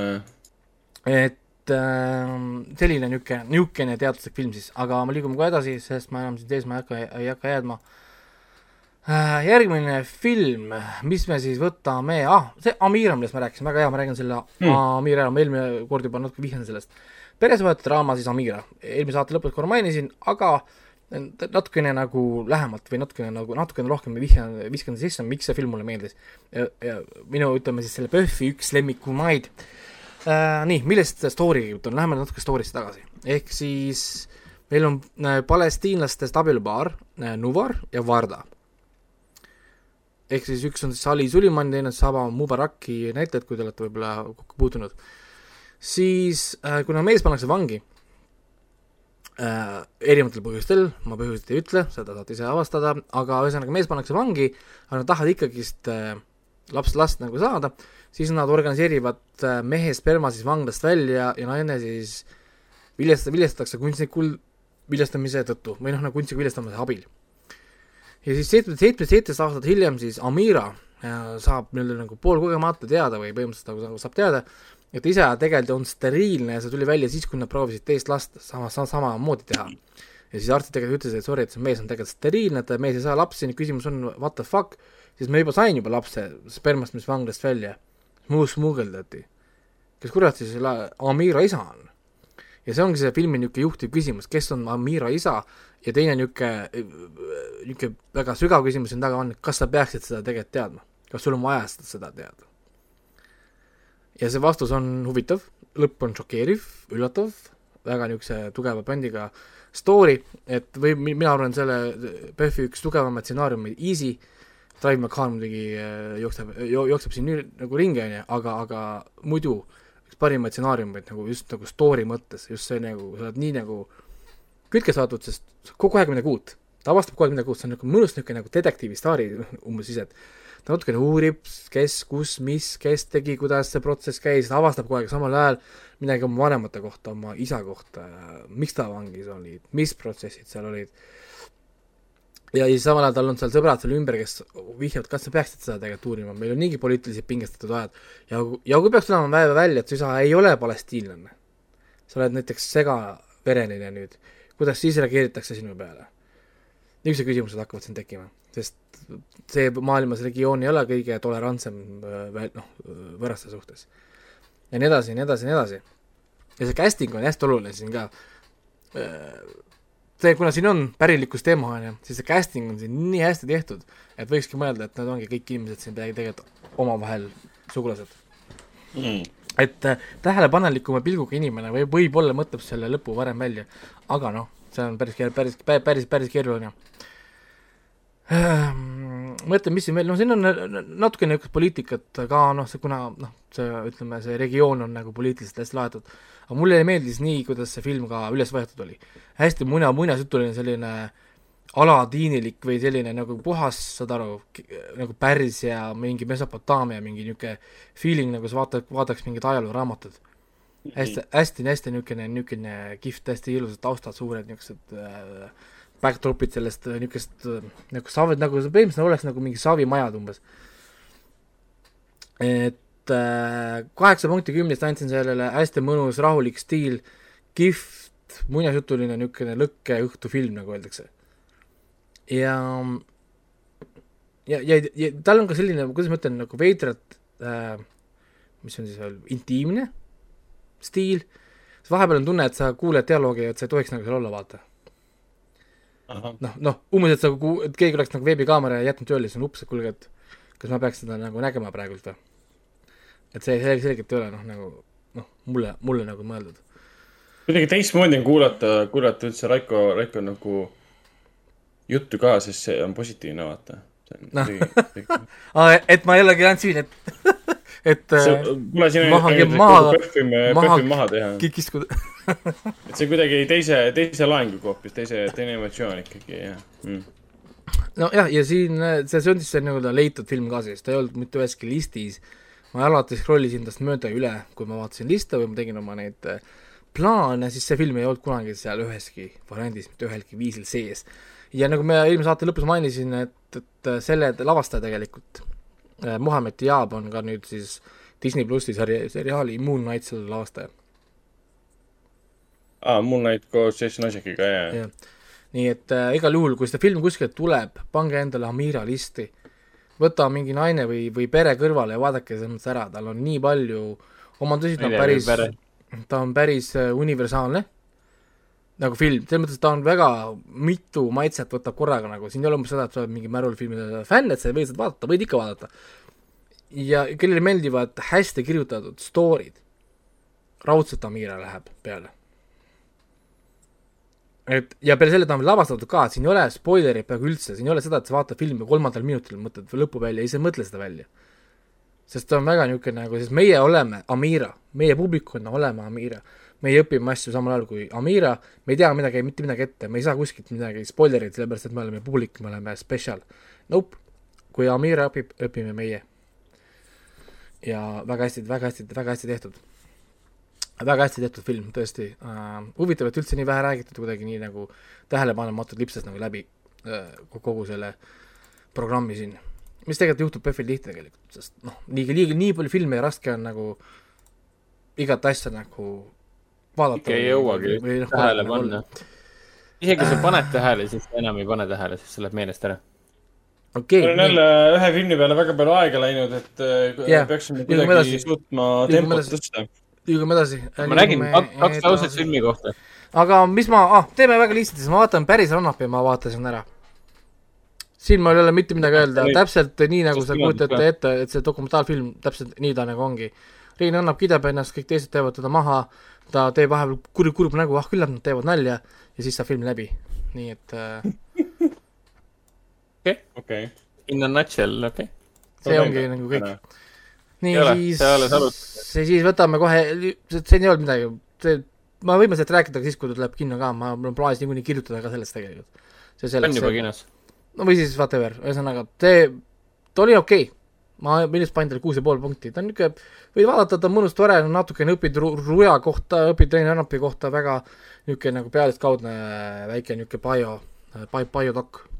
aga olgu, liigume edasi, The Eyes of Tammy Faye eh, või siis Tammy, Tammy Faye silmad, mis siis väidetavalt peaks siis olema Chastaini niisugune suur Oscari roll, aga mina olin väga underwhelmed tema esinemisest kui millegipärast inimesed seda nagu kiidavad, seda ma ei kõik kiidavad tema, tema põskesid. vot need põsed käisid nagu räigelt pinda mulle siin filmis. mis värk nende põskedega siin on, mis kuradi, kes seda krimmi neile tegid, see oli nii fake need põsed kogu aeg. kõikidel näitlejatel on mingid põsed punnis, ma ei saa aru, millest see on, see on mingi me- metafoor sellele, et nagu rahast, rahast punnis on kogu aeg või, või, või nagu millest, olid vist päriselus ka siuksed, ei olnud või? ei tea. Aga ühesõnaga, millest see film räägib, see äh, Tammy Faye lugu räägibki põhimõtteliselt siis Ameerika kuulsast teleevangelistist või noh, nagu paarist tegelikult, on siis äh, Tammy Faye Baker ja Jim Baker. ehk siis äh, Andrew Garfield mängib tema abikaasat. ja siin ma ütlen kohe ära, sorry, ma ei saa võtta Andrew Garfieldi tõsiselt kui täiskasvanud. oma piksu häälega ta ei ole täiskasvanud inimene, ta võib öelda küll, et tal on vanus on seal ja whatever, ta on viisteist forever lihtsalt, sest äh, no ei saa noh, ma ei, ma ei näe teda kui täiskasvanud inimest. ja, ja film on täpselt nii, nagu sa ette kujutad, et see film nagu ongi, nende tutvumine, Tammy Faye kasvamine, kuidas ta äh, usku jõuab, kuidas ta on üüber mega paduusklik, konkreetselt mingi kukub kokku, kui risti näeb, sest see lõikab teda nii sügavalt, et ta ise usub seda kräppi, kräppi kõike täiesti nagu hullumeelne oma, oma selles nagu selles noh, religioonis ja siis naerdakse välja, et naised, naised, naised ei saa teha ju seda teleevangelistlikat värki, et sa oled ju naine, mida sa tahad, onju.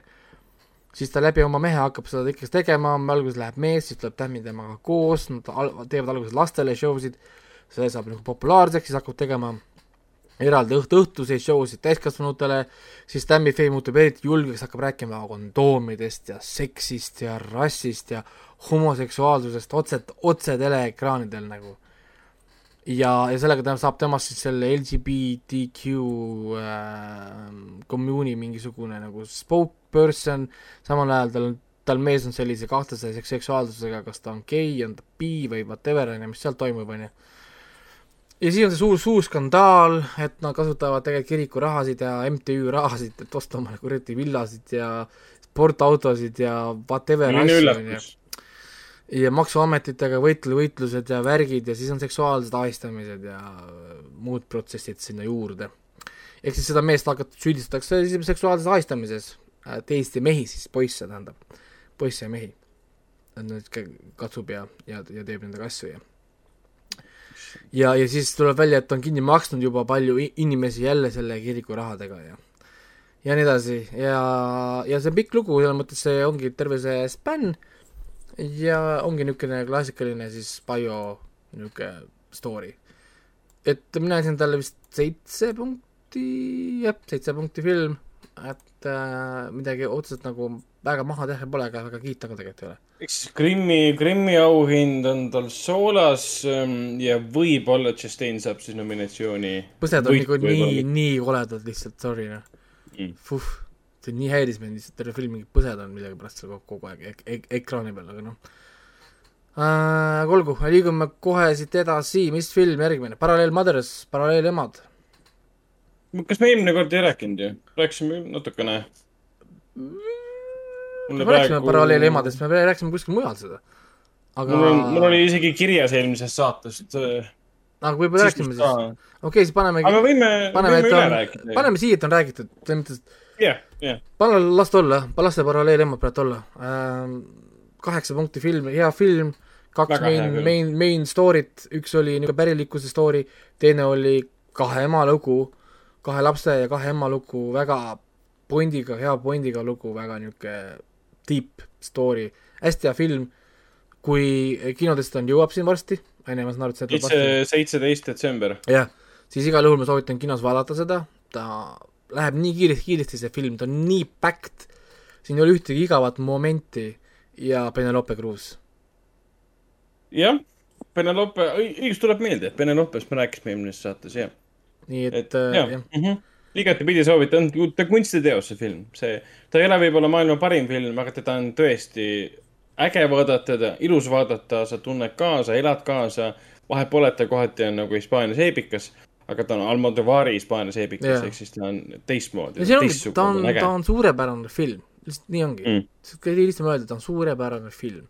ta ei ole mingi Oscari film, jaa, ta ei ole mingi vau wow,, võib-olla vapustav film, aga ta on suurepärane film kõik teevad oma tööd väga hästi, kes siin filmis on, näitlejad, produtsendid, helid, äh, whatever, stsenaariumid, kõik on väga hästi tehtud. aga, aga nagu mitte nii hästi, et nagu üle piiri minna, et oleks nagu mingi Oscarid või kohe hakkaks siin auhindu jagama. Nii ähm,, järgmine film, mis, mis filmi tahad? võtad vahepeal mõne oma filmi või? mainiks ära kaks halba filmi, vaatasin just filmi programmis äh, filmi nimega üheksakümmend kaheksa sekundit äh, ilma varjuta. Äh, see oli üks nendest filmidest, mida ma vaatasin ainult sellel põhjusel, et ta sobis mulle kahe filmi vahele. Äh, kohutavalt igav, võitlesin unega, tegemist on Boliivia, Prantsusmaa filmiga. Ta on nagu kogu asja point oli nagu hea, kogu asja point on tegelikult selles, et sul on üks noor neiu, kes elab siis kaheksakümne kuuenda aasta Boliivias ja, ja kõik on halb, kõik on vilets, isa joob, tahab enesetappu teha, ema on jälle rase, sünnitab, tal on depressioon, tüdrukul nagu on ka mingisugune depressioon ja kõik elu on halb. ja, ja siis lõpuks võtab selle oma venna kaasa. sellepärast, venna, beebi siis tähendab, sest emal on depressioon, pärast sünnitusjärgne depressioon ja ta ei suuda midagi teha ja võtab oma, oma lapse kaasa ja jätab isa maha, jätab kõik maha, jätab oma vanema maha, kes on siis hingamisaparaadi all ja, ja viib, viib ta ära. Et film algab seal, mis ta oligi siis, korintlaste, ma ei tea, mitmes ja kus mitmes ähm, piibli siis äh, tsitaadiga, lõpeb sellega, ta oli nii pretentious kohati. filmi visuaalne look oli ka umbes niimoodi, et äh, no veits võiks äh, värve rohkem keerata ja natukene õppida, mida tähendab värvide keeramine tegelikult äh, programmis, et see ei ole päris nii, et sa filmid ja siis äh, paned kaamera ekraanile, et näed, nüüd on olemas. Et ta ei, ta ei näinud üldse huvitav välja ka, et, et raske oli sellega nagu suhestuda selle filmiga ja, ja just film Ram minu saalis oli seal üks väike poiss ka, kes mu selja taga istus. no mitte päris selja taga, aga seal ta siis, äh, seal ta siis, äh, siis äh, filmi alguses rääkis kõva häälega telefoniga, enne kui film algas, tähendab. et emaga vist, et nüüd hakkab film peale. väike poiss, ta võis olla mingi kaksteist või midagi ja ma ei saanud aru, miks okay. ta seal oli, sest see film ei olnud kindlasti talle, siin oli sünnitamist, siin oli enesetapule isegi mitte viite, vaid, vaid konkreetselt enesetaputseene, kus isa poob ennast üles ja siis ta fail ib sellega. ja masendavaid depressiivseid asju, mis sellele lapsele kindlasti ei oleks sobinud. ta käis vahepeal ära, tuli tagasi, sõi popkorni, tagus oma popkorni kasti. aga mul ühel hetkel oli suva, sest ta äratas mind üles une, une erinevatest faasidest. lapsel oli igav, jah? Lapsel oli igav, sest ta ei saanud aru sellest, tal olid pikad dialoogid elust, kõigest sellest seal sellel tüdrukul oli veel üks parim sõbranna, kes siis, kes siis äh, on hästi ilus sõbranna ja tore, aga ta on haige. lõpus hakkas seal surema ja siis ta leidis endale ühed kiusajate hulgast leidis ühe uue sõbranna, kes jäi rasedaks, enamus tema vanuses teismelised seal jäid rasedaks, sest ma ei tea, kondoomid on nagu defitsiit ja Boliivia on mingit sorti religioosne riik vist. Kõik olid kas rasedad, haiged või suremas. Äh, äh, mul lihtsalt tuli uni kogu selle, kogu selle asja peale sest ega see keskne narratiiv seda asja kokku ei sidunud ka, et äh, ei piisa sellest, kui sa tsiteerid piiblit ja, ja ütled, et see lugu on nüüd sellest, et äh, ui, see oli minu jaoks ikka kannatus ja teine no, kannatus. See kõlab nagu PÖFFi laks, täielik PÖFFi laks nii-öelda. tegelikult küll, aga vähe inimesi saalis ka. Et see oli mul teine film äh, üldse PÖFFi peale, kus oli väga vähe inimesi saalis. see oli see just filmi oma esimene film oli Evolutsioon ja tsensor, kus arvati, et tuleb vähe inimesi, tegelikult nüüd nii vähe ei olnud. aga ta oli siis teine film, mis mulle üldse ei meeldinud. ma tegelikult, olgem ausad, üheksakümmend kaheksa sekundist, sekundit ma varjuti oli minu jaoks halb film, halvasti tehtud. Teine film, mis mulle ei meeldinud, aga ma hindan, mida ta on tehtud sellega, on siis äh, Apichatong, Apichatpong Vere Setkau igatahes selle, selle Tai, Tai režissööri uus film um,. see on see. kes tegi selle onu Bonme, ma arvan, et lihtsam on öelda see pikk lause välja, kui tema nime hääldada. Jah, see režissöör, kes tegi Uncle Bonme Who can recall his uh, past lives aastast uh, kaks tuhat kümme kus ta siis Cannes'i filmifestivalil linastus ja siis oli esimene Tai film, mis sai Palme d'Ori, sellest väga palju ka räägiti ta on sellest ajast saadik lavastanud mitmeid filme, mida mina pole muidugi ühtegi näinud, sest äh, ma olen selline inimene, nagu ma olen. Äh, et kuulen, kuulen režissööris, kes teeb ilma, aga miskipärast ei vaata tema filme. Aga, aga see on siis tema esimene film. Äh, Memoria on selle filmi nimi, mis on tema inglisekeelne film.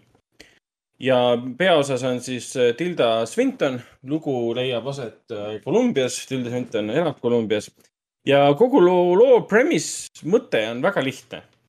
sul on, sul on äh, naine äh, nimega Jessica, kes elab Kolumbias, ta kasvatab seal orhideesid. Ja, ja ta vahepeal käib äh, Bogotas reisimas, tuleb, läheb oma siis õele külla, kes on haiglas, noh, haige. ja, ja järsku ta hakkab siis kuulma helisid. ja heli, mida ta kuuleb on niisugune peksmise heli. see ei ole nagu mitmekordne, see on üks kord, käib väga tugev latakas vastu seina või midagi. ja ta ei saa aru, mis see on. ta kuuleb seda vahepeal öösel magades. Ta kuuleb seda vahepeal tänaval kõndides. see ei ole järjepidev heli, see tuleb ootamatult meie jaoks ja tema jaoks. ja ta ei tea, mis see on ja kuidas ta seda kuuleb, sest keegi teine tema ümber seda ei kuule ja siis ta hakkab siis uurima. kogu lugu järgnebki sellega, algabki sellega, et ta kuuleb seda heli siis me näeme, kuidas ta hakkab uurima, mis see heli on. ta läheb helidisaineri juurde stuudiosse, hästi pikk tseen, mingisugune kakskümmend minutit, lihtsalt helidisaineriga arutavad seal, et kes paneb siis kokku erinevaid helisid, et kas see heli vastab sellele, mida tema kuuleb. ja, ja siis mingil hetkel ma jäin magama vist äh, peaaegu, sest kogu saal äh, suht norskas seda filmi vaadates. siis, siis ta ühel hetkel reisib siis sinna kuskile kaugemale kohta Kolumbias. ja leiab siis selle allika, mis selle nagu viib. seal vahepeal juhtus ka midagi, aga see oli kõik just, ta, ta, ta on väga hästi üles võetud film. nagu, kust see heli pärit on või? ja ta lõpuks leiab selle allika, kust see heli on pärit. et kogu lugu ongi sellest, et ta kuuleb seda heli ja saab teada, kust see heli tuleb. ütleme nii, see on väga imelik ploti, ploti kirjeldus, aga sellest nagu piisab, sest ma ei taha teda spoil ida. selle ta, filmi levitaja, üks levitaja on Best Film ja ta võib-olla tuleb kunagi levisse. ehk siis ma ei taha teda ära spoil ida. aga, aga ma kiidan kahte asja, see on filmilindi peale võetud, see näeb vapustav välja. Ja Tilda Swinton on Tilda Swinton, täielik kameeleon, teda või tema jõllitamist võib jõllitada päris pikalt. aga püha jumal, lihtsalt püha jumal, siin on megapikad kaadrid, mul ei ole pikkade kaadrite vastu midagi, mul ei ole ühe kaadri võtete vastu mitte midagi. aga kui sul on kaader, mis kestab viis-kuus minutit, kus mitte midagi ei toimu, see on otseses mõttes lihtsalt pilt loodusest, seal ei toimu mitte midagi. Ja seda jäetakse mulle vaikuses. no mis Oota, sa arvad? kas sa räägid praegult, äh, filmist Lämm või sa räägid filmist Memoria? Memoria ah,, rest. et siin on väga palju, väga palju selliseid stseene, mis on lihtsalt äh, vaikuses, nad üritavad või no ilmselt nad ongi mõne publiku jaoks, sest ma olen arvustusi lugenud. ja, ja mõned kriitikud ütlevad ka, et see film tõstab sind tooli pealt püsti, haarab sind kaasa, tõmbab sisse see, see üleloomulik maagia, mis on sellel režissööril. mina seda ei tabanud, minust läks täiesti mööda film näeb hea välja, ilus pilt, hea näitleja, aga, aga kõik muu lihtsalt, vot, mida ma just vaatasin, lihtsalt inimene otsib allikat häälele, helile, kõnnib ringi, vaatab ringi, räägib napisõnaliselt mingite inimestega, kõik. ja lõpus on üks väga-väga suur äge asi ja see ongi see põhjus, miks ta seda heli kuuleb ja mis heli see on. seda ma ei saa öelda, sest ta ei usuks, ta isegi ei usuks mind, mis see on, kui ma seda ütlen, ta arvab, et ma olen lollakas ähm,. nii palju ma spoiledan seda, aga see film võib kunagi levisse tulla. ühesõnaga, ta ei ole halb film, aga see läks minust täiesti mööda. ma pean seda võib-olla uuesti vaatama, võib-olla kodus või siis kinosaalis see mõjus umbes niimoodi, et äh, mis on see tunne, mis mulle peale tuleb. aa jaa, see on see mikrounede tunne, kus sa ärkad hästi kiiresti, võpatad üles, sul on tunne, et kogu saal nägi, et sa võpatasid. ja sa mõtled, oota, kas ma mingi läbi une peeretasin, mis kõik vaatavad mind, täitsa lihtsalt norsatasid korraks tead küll, sa jääd korraks magama, siis ärkad üles ja siis keegi on su kõrval, vaatab sulle otsa, et miks sa see on magad. see, see on see nokkimine ka, nokkimine on ka täitsa tore asi. jah, jah. sa nokid keset filmi ja siis sul on siuke tunne, et sa oled nokkinud vähemalt kaks tundi ja siis sa avastad, et tegelikult on mingi viisteist minti möödas. täpselt nii. aga millega me jätkame, sest naudingust tegelikult äh, juba Raiko meile rääkis, ma ei hakka naudingut üle rääkima äkki äh,. tsensorist rääkis ka Raiko, seda me ei hakka üle rääkima. ei no te võite ju nii palju lisada, mina Nii tegin palju... palju- ju maha ju tegin seda, et teile meeldib. tegi maha, meile meeldis. minu no- jaoks oli sensor täitsa seitse-kümme film. noh, tõenäoliselt äh, sellest seitsmest äh, viis punkti tuli puhtalt Niamh Race by Wolves Algari näitlemistööst. aga, aga mulle film meeldis jah, Raikol oli õigus, et kuna, kuna meile meeldis lambuke, siis on ilmselge äh, väga suur tõene-, on ilmselge väga suur tõenäosus, et meile meeldib ka sensor. nii et siin ei ole midagi imestada aga, aga noh, seitsekümme on umbes selline, et ta on debüütfilmi kohta väga tubli saavutus. aga kui sa võtad selle debüütfilmi termini sealt välja, siis, siis ta on lihtsalt, siis ta on film, mille lavastas režissöör. jah, aga no reaalselt olid näitlejad. debüütfilmina ma tegelikult isegi kiitsin teda, sest jah, ma olen nõus, selles see mõttes, et pilt äh, paika saada ja kõik need värgid ka tubli saavutus, et siit, siit, kui hästi läheb, siis on äh, tsensorist kõrgemale no- minna, kui hästi läheb, siis äh, ootab teda helge tulevik. kui sul esimene film on seitsekümmend, noh siis jah. jah, ja kui esimene film näeb okei. välja nagu tsensor, siis on nagu sorry, siis järelikult sa oled oma elu jooksul väga õigeid õudusfilme ei no jah, selge see, et no sa kogemusega saad teada, kuidas need stsenaariumid teha ja kõike seda ära kasutada ja aega kasutada ja nii edasi, need tulevad kõik oh, ma ei tea, kas kas taevast või siis jah. äh, ajaga ja kogemusega, onju. mulle väga meeldis, millega ta nagu, millega ta nagu lõppes ja ta läks julgelt sellega lõpuni, ta hakkab midagi üle selgitama, ongi cray-cray, ongi crazy, lähme edasi. mulle töötas, aga, aga mis mulle nagu tagantjärgi ei meeldi, on pigem filmi väline asi, see on see, et siin üks Eesti filmikriitik kirjutas, et jaa, film ei julge mingit seisukohta võtta siin misogoonia ja kõige muu suhtes ähm,. seal QA-l produtsendi käest küsiti ka sama küsimust, et näe, siin näidata seksismi kuuekümnendatel.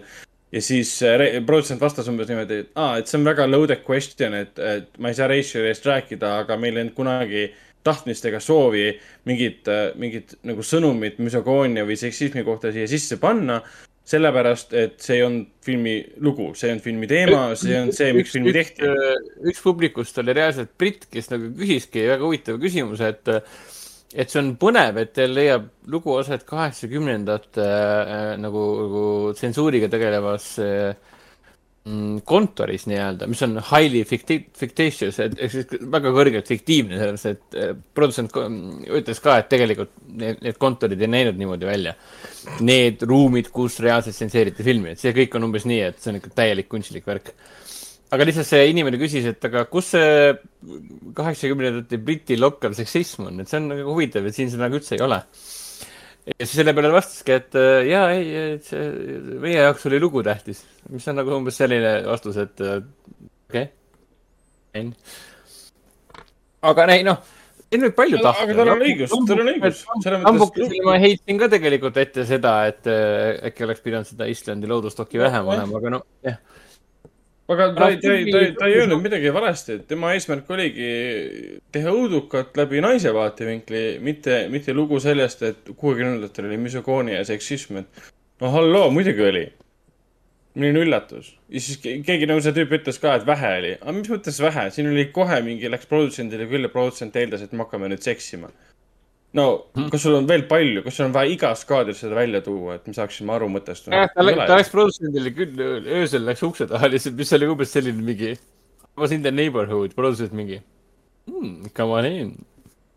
noh, ja siis no, ta oli, ja siis oli, lugeda siis ongi seda, et ta on juba kuuskümmend sekundit olnud äh, majas ja siis produtsent ka, et miks sul ikka veel riided seljas on, kuule, et me nagu noh, ja, ja see, aga võib öelda, et äh, sihuke loll. kuidas seda deli- delikaatselt seda nalja teha, et ähm, see viis millegini, kurat, ma ei saa, see on liiga tsenseeritud asi, mida öelda.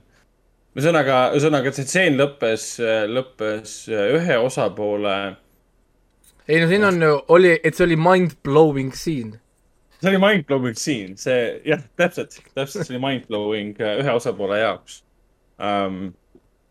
jaa, sellest täitsa piisab, ühesõnaga mulle meeldis, minu arust väga tore film, väga ilus nägi välja, äge muusika, tõmbas tubli sisse,, tubli hõ- hõ- hõhvikas nii-öelda. jah. aga lähme edasi. nii, mis nüüd? aga tahtsid paari sõnaga pleasure'it ka öelda või, või, või seda pole vaja? jaa, nauding, nauding äh, oli minu jaoks, ma olen nõus äh, Raikoga, nauding ehk siis pleasure, Norra film, Ninja oli reisijal, mitte see kuulus Fortnite'i striimer, aga üks naisrežissöör Norrast. Päris tundsin, et see oli hästi vajalik äh, täpsustus äh,. film on hästi selles mõttes, kui me räägime loost, tavaline üleskasvamise lugu ähm,, eneseleidmise lugu, lihtsalt see, selle, seda lugu nagu ülendab see, et see leiab aset äh, USA pornotööstuses äh, läbi noore skandinaavlase pilgu läbi, kes arvab, et ta hakkab midagi suurt ägedat tegema. koha peale jõudes avastab, et äh, pornotööstus polegi nii äge, kui esialgu tundus, milline üllatus Um, ja me näeme etappi kaupa, see on väga klassikaline lugu, me näeme, kuidas ta sinna maailma siseneb suure hurraaga, me näeme, kuidas saab selle maailma käest peksa, on alla vandumas. me näeme, kuidas ta saab sellest madalseisust üle, tõuseb kõrgele, võidab kõik, teeb selleks vajalikud ohverdused ja me näeme, kus ta mõistab, et see ei ole see elu, mida tema tegelikult, tegelikult tahab, see ei ole see elu, kus ta peab tegema neid ohverdusi. ta tahab äh, olla oma sõprade keskel, oma, oma elu elada niimoodi, et ta ei tunne ennast kogu aeg halvasti ja ongi kõik. selles mõttes ta kindlasti saavutab kõik, mida ta tahab, aga oma valikute, valikute, valikute põhjal. aga film oli põhimõtteliselt jah, sihuke tunne, nagu sa vaataksid kaks tundi äh, kahesaja inimesega ühes suures saalis pornofilmi uh,. mis põhimõtteliselt jah, jah, et kõik oli all out nagu kõik, kõik. no see film, film alg-, algas kohe ju põhimõtteliselt mingi esimese paari minutiga oli mingisugune kõva Jah. naks, oli, oli kohe, kohe ekraanil. algus, algustiitrid olid juba mustal taustal ja siis seksis helis, porno, vabandust, see ei ole seks, pornohelid käisid taustal. juba siis oli kogu rahvas mingi nii naljakas. et äh, aga see oli ikka väga ebameeldiv, ebameeldiv film kohati ikka, mitte kohati, ta oli päris konstantselt ebameeldiv film ja ta pärast tööle keegi küsis ka, üks, üks töökaaslane, et kas, kas see film siis mõjus nagu, kas see porno osal seal oli siis umbes, tekitas mingeid tundeid ka, et issand jumal, ma vaatan nüüd seksi koos rahvaga. et kas see oli nagu rahulduspakkuv kuidagi umbes niimoodi. ja ma oskasin talle vastata kohe, et ei, sest see oli vastik. see on jah sest, me näeme seda läbi inimese vaatevinkli, kes kannatab selle all, mida ta seal teeb ja sa näed nagu sinna kaadri taha. seal ei ole midagi naudingut pakkuvat, need on inimesed, kes tegelikult nagu suruvad ennast sellest läbi, et seda teha ja kuulsaks saada. okei okay,, seal on mõned, kes seda naudivad võib-olla ka. Ei no ikka, no alati on keegi, kes naudib oma tööd, aga see on iga asjaga, mis, mille sa teed, mille sa teed tööks. mis sa arvad yeah., et kui sa vaatad, ma ei tea, kuuskümmend filmi nädalas näiteks, et see on Jah. tore või? No, sa oled täpselt, väga väsinud, sul on räigelt kopp ees ja kõik nagu Jah. käib nagu pinda ja, ja muutub väga kiiresti eba, ebameeldivaks, et see Jah. on iga asjaga niimoodi. aga jah, see peategelane, see naine, täiesti fantastiline, režii oli, mulle väga meeldis. Ta oli, pärast reisi rääkis ka, kuidas ta kasutas kõiki, kõiki neid äh, USA, tundis neid USA pornostuudiote juhte ja režissööre, käis, ta oli kakskümmend aastat research'i teinud, ta oli seal mingi võtetel käinud, kõik need sidumised, piinamised, värgid, see ta oli pealt ära näinud. kuidas need asjad tegelikult käivad, ta tundis neid inimesi, seetõttu ta kutsus kõik need pornostaarid ja režissöörid sinna filmi ka et ta oli, ta teadis, millest ta nagu rääkis, selles mõttes ja oli seda, noh, imelik ka natukene, et sul tuleb naine tuleb kahesaja inimese ette ja ütleb, et jaa, ma olen kakskümmend aastat pornot vaadanud, et, et mulle meeldib seda sorti porno ja kõik see, et see ikka, see nõuab päris palju nagu julgust, et tulla rahva ette, et ma tegin porno, sest mulle meeldib porno ja ma vaatan pornot, see on mingi, okei okay.. ja, aga mine tea, Pärast sa- mine tea, kas see, kas see nagu häiriks mind, ma ei tea. ma mõtlen ka, et tegelikult, tegelikult jätab suht külmaks, et äh, ei tea ei, paarikesed võiksid ikka pornot koos vaadata. issand, see on, vot see on awkward, sest äh, väga eri, erineva maitsega. me kunagi veel vanal heal ajal, kui meil ei olnud lapsi me mõtlesime Agnesega selle peale, siis me jõudsime vaadata kolm klippi, ma panin kinni, mõtlesin, fuck it, see on nagu sinuga vaataks muud filmi. nagu, et lihtsalt ütle, mida sa tahad vaadata, ma vaatan seda, sest mina olen kultuurne mees, ma võin vaadata kõik. tahtsin teile klipi ka, et äh, kunagi aastal kaks tuhat üksteist tegi College Humor siukse klipi nagu Girls Watch Porn Too, see on päris naljakas. aga jah, lähme edasi. see on andekas, jaa. meie, meie. kuulajatele, College Humor on suht kullaauk, nii et kaks tuhat üksteist oli välja siuke klipp nagu, et tüdrukud vaatavad ka pornot või naised, vabandust, naised vaatavad ka pornot. selge, et see on päris, päris andekas must aga, aga liigume edasi, järgmised filmid, mis, mille me võtame nüüd ette äh,. Belfast äkki või, me oleme Belfasti kõik näinud, räägime äkki natukene Belfastist või? sest ta läheb ju levisse ka tegelikult, nii et me ei pea ju palju üksteist märts tuleb Belfast. aa, siis on, on natukene me ei aega. ole siis Belfastist juba rääkinud või? ei, eelmine kord äh, käis Belfast korraks läbi jutu keskel, aga me põhjalikult ei rääkinud. muidugi, Belfast toimus, Belfast toimus ju kahekümnendal ja me tegime sa- saate ju varem ära. aga ma mõtlen, kas me üldse, kas meil on mõtet väga rääkida Belfastist midagi? Võime ka edasi liikuda, me saame nii palju öelda, et Belfast võidab kindlasti hästi palju Oscareid. ta oli ilus, ilus film, ta on ilus, backed film, humoorikas film. suurepärane, suurepäraste näitlejatöödega, hea tuju film väga raskest ajast. et see on tegelikult sama jutt, mis me ütlesime paralleel emade juures. lihtsalt kvaliteetne, suurepärane film. Et siin ei pea nagu, tahad nutta, tahad naerda, tahad seda teha korraga, siis see on nagu publikut rahuldav, ehk siis crowd pleasing. ehk siis ta on klassikaline au, auhinnafilm, Oscari film tegelikult, klassikaline Oscari võit, ta on hea film. ta ei ole erakordne, aga ta on hea film, et kui ta peaks võitma väga hästi palju auhindu, siis mina olen üks nendest, kes ütleb, et nendest, kes ütleb, et eh, laske käia, see on on hea film, andke talle, mida tahate.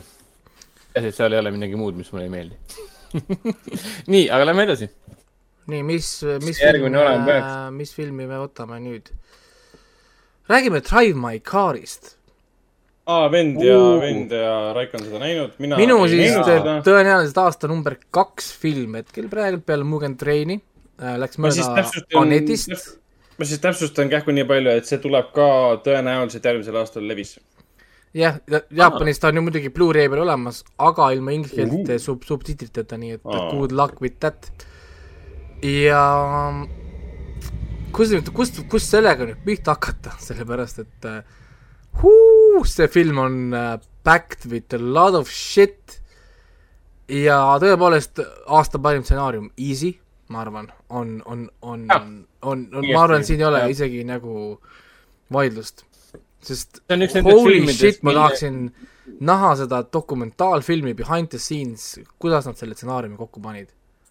Nagu fucking Mhm, how see on omaette, siin on neil mingit doktorikraadi vaja, et see stsenaarium see kokku saada,. see stsenaarium on mingi next level, next level and level above that mingi crap. kuidas nad selle kokku panid nagu, holy fucking hell noh. muidugi, ja muidugi teine asi on ka see, et sellel on nii hea stsenaarium, et sa tegelikult filmi vaadates, sa tajud seda. sa saad aru, et sa vaatad, sa vaatad Masterpiece'i, sul läheb umbes kolm see- minutit aega, vaatad filmi kolmandas, kolmas minut, siis on see, et aa, okei kolm I am watching a masterpiece, siis nagu holy shit. ja see on nii hu- huvitav, kuskil, kuskil esimese kahekümne või kolmekümne, kümne minuti pealt ma vaatasin, et mingi, kuidas mingid elemendid hakkavad tööle pärast seda, kui Ja- mingid ja- momendid on ja möödas. siis mõtled ka, et nagu kuidas, kuidas kuidas ja, nagu- kuidas see kokku pandi? kolme tunni jagu stsenaariumit. okei, okei, okei, kõigepealt võtame nüüd korraks sammu tagasi. millest, mis, mis film on Drive My Car? See on kolm tundi pikk draama, see on kolm tundi pikk Jaapani draama. jaa, kuulsid õigesti. kolm tundi, sada kaheksakümmend kuus minutit film, draama. ja Drive My Car pealkiri on väga õige, sest tõepoolest siin keegi sõidab väga kaua palju autoga filmis on Mingi väga pikalt jah, sõidetakse autoga. ja see tundub, et see on veider, aga see on nii powerful element siin filmis, et holy crap, aga olgu, nii. Lähme tagasi, nii, meil on peategelane on Yusuke, Yusuke Kafuku, nimeline äh, teatrinäitleja ja lavastaja, kes on õnne- õnnelikus abielus oma näitekirjanikust abikaasa Otoga, keda kehastab imeilus Reika Kirishima, ma jagasin teile pilti ka. Ma guugeldasin pärast seda, pärast seda naist väga pikalt. aitäh, et sa meile seda pilti jagasid, ma ei tulnud selle peale, et ise googlesid. ei, kus ta, kus ta oleks tulnud selle peale, sa pole isegi filmi näinud, Time Like Car. Okei, isegi sorry., sa ei oskaks isegi, isegi gu- guugeldada teda. aga, aga you are welcome. ühesõnaga äh,, siis äh, ootamatult see naine sureb äh,, võttes endaga kaasa ühe väga suure saladuse. ja siis kaks aastat hiljem, peale seda, kui naine on surnud äh,, Yusuke, kes siis pole veel oma nii-öelda abikaasa surmast üle saanud, võtab töö vastu ühe teatril festivalil, mis asub Hiroshimas. ja, ja siis seal Hiroshimas äh, ta hakkab lavastama siis äh, ühte Tšehhovi tekstidel põhinevat lavastust ja ta lavastab seda väga unikaalsel viisil, ta lavastab seda nii-öelda nagu mul-, multikultuurse, multikeelse lavastuse, kus iga inimene kasutab oma keelt. Ja sealhulgas ka siis viipekeel, korea viipekeelt. ja seal kohtub ta ka siis introvertse naise äh, Misakiga, kes hakkab tema isiklikuks autojuhiks. ja ta sõidab terve aeg oma vana ustava autoga Saab üheksasada. jah, see on filmi sünopsis.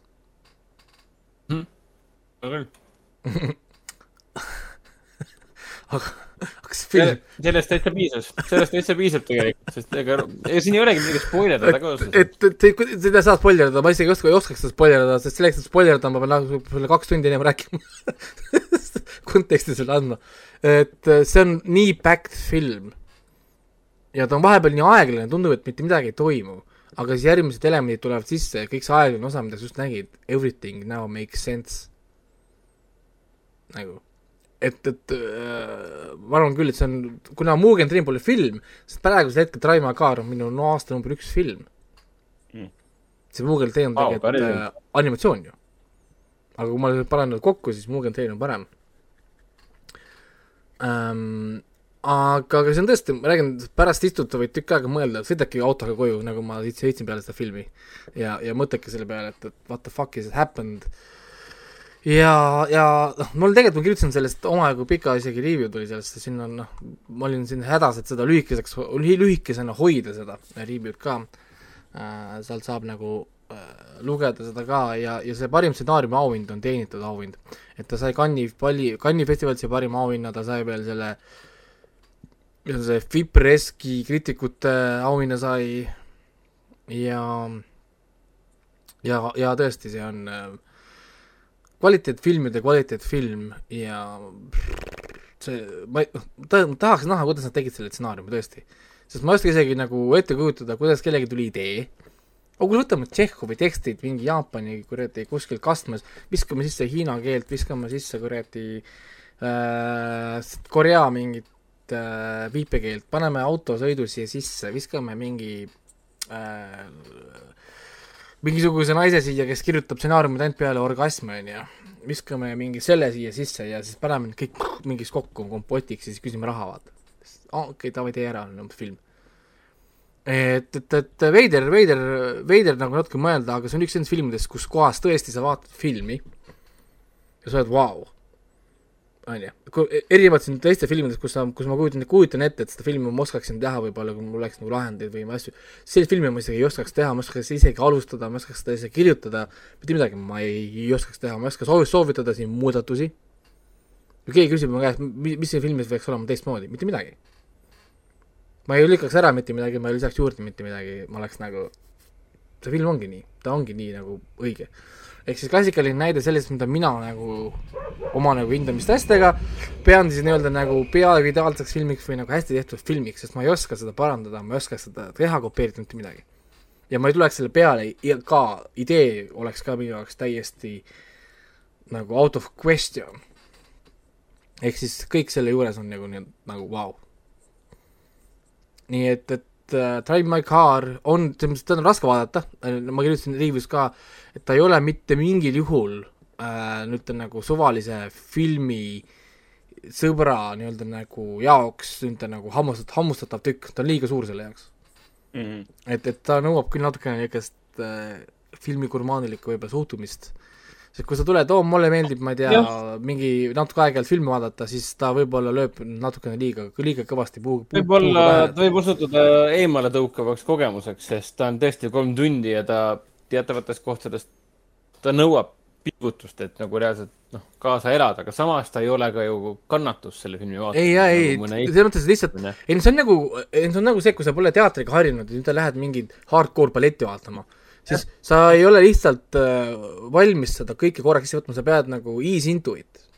nii-öelda nagu noh. aga no sama hästi, noh, saab öelda ka nii, niimoodi, et äh, noh, kui, kui sa oled nagu vähegi tõus, ma ei tea, Jaapani draamafilme vaadanud äh,, siis noh, arvesta sellega, et see on kolm tundi ja tegelikult go with the flow nii-öelda, ehk siis mine vooruga kaasa ja tegelikult tänu sellele, kui sa lähed vooruga kaasa, lased endaga, endaga selle looga kaasa minna ja sul ei ole kuskile kiiret ja nii edasi ei oota järgmist seanssi ja nii edasi, siis äh, sa naudid seda filmi, sõltumata sellest, et on äh, kolm tundi. et ja, ja mul on nagu hea meel tõdeda, et mitte miski selle filmi juures ei mõjunud äh, umbes millegi sellisena, millega vend praegu siin rääkis äh, Memoriast või sellest, mis see hästi pikkade kaadritega äh, või stseenidega film oli, millest Ragnar rääkis, üheksakümmend kaheksa sekundit või?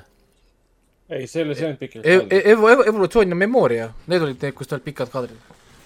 aga evolutsioonis olid pikad kaardid, mis liikusid, memorialised pikad kaardid, mis olid paigal. aga mis halb oli, oli Memoria või? selle, selle mõttes halb. noh, jah, et, et nagu Drive My Carit seda ei ole, ta on ikkagi eluline, tegelikult niisugune elujaatav draama inimsuhetest. sellisel tasandil ta toimib väga hästi. siin ei ole mingit probleemi nendele tegelastele kaasa elada. ja kui sa oled mingi kirjandusfänn või kirjanduskriitikas või kirjandusaustaja või teatrifänn, siis kõik, kõik äh, meie erinevad kultuurikihi, kihiga kokku puutuvad inimesed saavad siit kõik midagi kätte. et no mina andsin ise kaheksakümnest, sest ma nüüd nii vaimustuses ei olnud kui äh, Raiko. aga samas ma olen ka seda sorti inimene, kes andis ka Volkonogovile äh, kümnekümnest ja, ja armastas väga äh, lambukest, nii et äh,. ehk siis olgem ausad, sinu arvamus ei loe jah täpselt nii. aga jah. Mis me järgmisena mm, ette, ette võtame? okei okay,, siis äh, Drive a Car'iga oli on ju kõik, et jah, ma arvan küll. selles mõttes seda jah, seda on, seda on, kusjuures seda on ka raske rääkida minu arust, vaata, see on üks nendest filmidest, äh, mida peab kogema.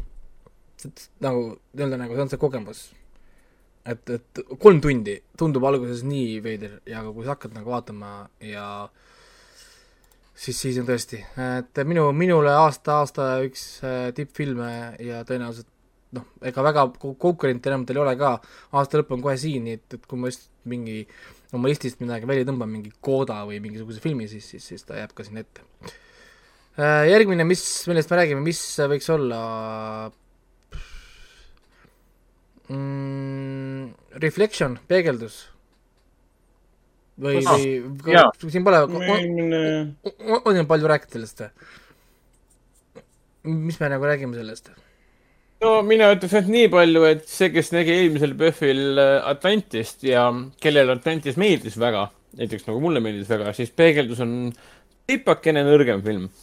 aga üldjoontes suurepärane vaatamine. ei no ei, ta on selles mõttes, mina andsin talle seitse pool punkti, kui ma õieti, õigesti ma andsin, mäletan ma andsin üheksa isegi, sest Ei. mulle see režissööri stiil lihtsalt väga mega meeldib.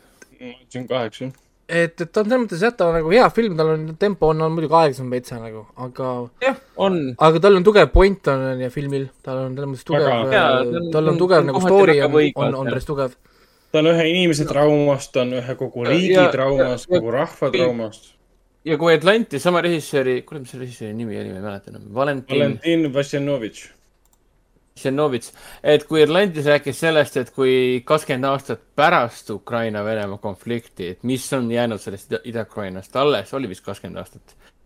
see oli jah mingi kaks tuhat nelikümmend või kolmkümmend midagi. midagi sellist jah, et mis on sellest alles jäänud, see potentsiaalne tulevik. siis Peegeldus omakorda räägib jälle, see on Ukraina režissöör siis, Peegeldus räägib esimesest aastast, kui, kui Ukraina konflikt algas. meestest räägibki nendest meestest äh, ja naistest, põhimõtteliselt meestest, kes äh, käisid rindel, kes olid nii arstid kui ka, ka käisid rindel ja võitlesid reaalselt nende roheliste mehikestega. siis noh, venelastega, Putiniga Äh, ja, ja sellest, et kuidas see neile on mõjunud, kuidas nad vangi jäid, kuidas nad sealt pääsesid, milliseid saladusi nad endaga kaasas kannavad no raskus südamel. seal, seal oli see va- vaimse tervise jah, täpselt, et väga tõsine, väga vajalik film. Et eriti kui rääkida moodsatest sõdadest nii-öelda, tänapäevastest sõdadest, mis siiamaani kestavad, nagu Ukraina, Ukraina konflikt Venemaaga, või sorry, Venemaa konflikt sõja äh,, Ukrainaga, mis täpsem öelda või? Venemaa pole sinna Ukraina- minnud, kas ta ei ole kuulnud midagi Venemaal ei ole selleks sorry, Putin pole sittagi teinud, ta lihtsalt onaneerib kuskil nurgas. nii. oi-oi-oi, kuulge, kui, kui kui Hendrikut keegi nüüd, koputas mu välisuksele. ma arvan, et meil ja. järgmises saates meil on, meil on üks vaba koht saatejuhile siin. üks, üks, üks roheline mehike on mul siin ukse taga. praegu lehvitab Eh, mulle äh, okupeeritakse ära vahepeal. aga, aga liigume siis selle juhul, kohe äh, sujuvalt vist jah. edasi, sest ma arvan, siin ei ole midagi pikalt rohkem rääkida vist. üks, üks, üks suurepärasest vaatamistest PÖFFil selles ei, ta on, ta on hea film jälle, ehk siis jah. seitse koma viis kuni üheksa punkti oli, oli meil siis äh, kamba peale siin, nii et selles mõttes jah, okei. aga, aga, aga väga-väga pikalt ei pea siis jääma, ehk siis põhimõtteliselt sama ütlen tegelikult ka filmi selle alguskohta, Beginning, mis räägib siis ähm, naiseks olemisest siis is- is- islami religiooni poolt domineeritud riigis põhimõtteliselt. et ei ole, ei ole kõige lõbusam äh, olla seal ja, ja hästi pikad aeglased stseenid millegipärast niisuguse veidra nurga alt, mis tegelikult mulle meeldis mingil põhjusel mulle meeldis, et oli nagu nii valesti ka- kadeeritud film millegipärast ja nii, dialoog käib off-screen näiteks, mis tundus nii veider, ma pole sellist asja tegelikult varem nagu näinud. ehk siis äh, siin filmis oli niimoodi, et see äh, issand, ma ei tea selle lavastaja nime pealt, mäletad, tähendab, ta pani näiteks vaata kaamera niimoodi, et on, et sul on laud on ju ja tool on nagu siin ja siis mingi esimese minut aega, kui me vaatame seda lauda tooli, me kuuleme dialoogi off-screen Mhm. ja siis see naine tuleb alles, istub sinna laua peale. Ja nüüd dialoog jätkub off, niimoodi, et ta räägib kellegagi off-screen. me näeme, et dialoog läheb nagu niisuguseks nagu heated, mingi teema nagu tuleb ja siis lõpuks on see collision on, on screen. või noh, nagu niisugused, niisugused asjad, et siin oli niisugune huvitav asi, mida ma ei olnud varem nagu võib-olla, ma ei tea, kas ma olen varem näinud. veits, veits meenutab natukene seda mm, Oscar Faradi filmide Separationi gradeeringut oli ka, kus üks tegelane rääkis kogu aeg off-screen ja ühed tegelased olid äh, nagu on-screen. jah, ja siin oli niisugune hästi ebamugavat seed oli küll, vot sellepärast ütleme, ma andsin ka talle oma nagu niisugune punkti juurde, et hästi ebamugav see on, kus mees pole kodus naisele ja siis mingisugune väide, väidetav politseinik tuleb siis talle majja. Mhm. ja on niisugune nagu ebamugavalt agressiivne ja siis küsib niisuguseid rõvedaid küsimusi, näiteks istub diivani peale. kuule, kas su mees kepib sind siin diivanil ka või? Ja siis nad, naisel on, naisel on mm. nagu, et ei, ma ei vasta sellele, siis mingi- vasta, vasta, vasta mulle. vaata nagu agressiivselt ja tigedalt vaata. et ma küsin ainult ausu, ausust sinu käest vaata umbes. ja siis naine hakkab talle küsimustele, vastama ja siis ta küsib järjest nagu niisuguseid nagu rõvedamaid või noh, nagu ma ei saa ütelda rõvedamaid, järjest isik-, isiklikumaid küsimusi, mis ei puutu üldse nagu, nagu temasse. oo, et kuule, kas sa mehelt suhu ka võtad või? ja, ja siis, ja siis kas see meeldib sulle ja kui meeldib, kui palju see sulle meeldib?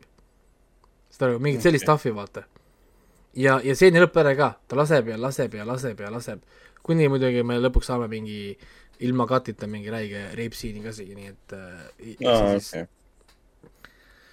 ja siis muidugi proovi, proovi veenda siis seal islami maailmas, et sind vägistati ja kes sind üldse usub ja nii edasi.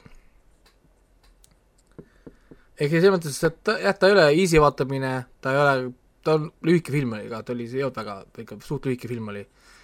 Ja ta on niisugune point lihtsalt, ongi, et noh, nagu, et sel maal, sel, sel ajal, kui kuskil läänemaailmas feministid kraunuvad, et äh, ma ei tea, keegi kondi-, konditsioneer on, on, on meeste kontrollida, on ju kontoris, siis, siis on, on, on kuskil mujal maailmas naised, kes tegelevad selliste asjadega.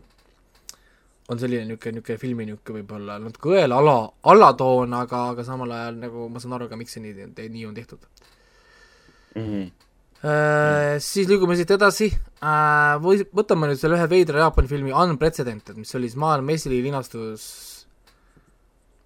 PÖFFil, ehk siis enneolematu vist oli eestikeelne tõlge või ku- kuigi võiks tegelikult olla eestikeelne tõlge võiks olla ju pretsedenditu, mis tegelikult on ju tegelikult meil ei olemas. ole, ei ole nagu ilus eestikeelne sõna. sest pretsedenditu kõlaks nagu paremini, sest enneolematu nagu on minu arust teise, teise kõlaga kui nagu unprecedented. Siis see on äh, Jaapani noortest, kes on nagu siis selles koroona lockdownis. ehk siis praegu on nagu selle filmi story on keset seda suurt koroona lockdowni, kus tänavad on kõik tühjad. ja meil on siis fookuses mitu nagu noort. meil on siis poisid, kes on sõbrad, ühel on auto ka ja, ja, ja siis äh, lugu algab, algab sellega, et nad saavad põhimõtteliselt nagu kokku omavahel ja siis nad arutavad omavahel nagu plaane, mida nagu no, üldse nagu lockdownis nagu teha. Siis sõber räägib, et ta tahab teha amatööripornot, et on olemas mingisugune pornosait, mingi, mingi Tokyo äh, see äh, ühesõnaga whatever, mingi nimega, kus siis inimesed teenivad nagu sellega head nagu raha, et siis see on nagu võimalus, kuidas siis lockdownis raha teenida. Ja siis ta muidugi, sõber küsib, et kuule, kuidas, sa teed pornot, et mul on, mul kaamerad, värgid, aga mul on probleem, mul pole kaamerat, mul pole värki ja, ja mul pole raha, kas sa saad mulle need kõik asjad anda? noh, noh, noh, et, et, et nagu teha seda. aga ta juba leidis mingisugusest Tinderist või Twitterist või kuskilt leidis juba mingisuguse tüdruku, kes on kõigega nõus, raha eest muidugi mm. -hmm. see on siis nagu üks, üks storyline siis seesama sõber, kes talle annab, tal on omal side business, nagu talle öeldakse, tal on menüü. ehk siis ta käib müüma ennast, müüb siis nagu rikastele meestele iseennast siis. ta mängib neile koera või, või lubab endaga asju teha, mis iganes asju, noh, et saada nagu raha, onju. Siis me näeme seda mingit veidrat katsetust, kus ta proovib, proovib siis selle tüdrukuga koos seda amatööripornot teha, onju. siis on seal erinevad nagu kokkusaamised sotsiaalsed seal perel äh, üks nagu naine, kes siis saab natukene kodu, koduvägivalda, siis ta samal ajal käib nagu väljas. ta on niisugune selles mõttes nagu väga veider film. aga, aga see stiil on täpselt selline, et see oleks nagu mingi, ma ei tea, koduvideo või sõbra poolt telefoniga filmitud video, mis on saadetud sulle, saad aru, mingi Messengeri. Ehk siis, kui sa, kui sa vaatad seda filmi, siis on selline tunne, et nagu, et kas ma peaksin midagi tegema, kas see, et see naine sai kollakat nagu, on see nagu lavastatud või see nagu päriselt sai see naine kollakat selle mehe käest, onju? Ehk siis see stiil on niisugune nagu, ma ei oska öelda, nagu veider või toores või nagu unedited põhimõtteliselt või ma ei oska öelda, tal on niisugune nagu see reaalse elu feeling on juures, mis võib, ma usun, et oli ka nagu tahtlik selles mõttes. ja, ja filmi võib-olla pointi tegelikult ei olegi, nad lihtsalt lõpevad, lõpetavad lihtsalt lockdown'is, me lihtsalt äh, liitume nendega siis väiksel ports-, nagu portsjonil siis sellel protsessil. natukene paar päeva oleme nendega koos ja siis meie jaoks saab lugu, lugu läbi, nende jaoks lugu läheb edasi nii-öelda. ja ongi kõik, ega, ega mul sellest rohkem midagi öelda ei ole. Äh,, Jaapani niisugune veidrus on seal olemas, siin on omajagu mõtteainet ka, nad arutavad päris huvitavaid teemasid tegelikult seal ka. äh,, noh, nagu pidudel ja värkidel sellega, noh äh,. liigume siit kohe edasi, mis see järgmine siis on, mis läks valesti, võtame selle filmi põhi wrong? võistlusprogrammis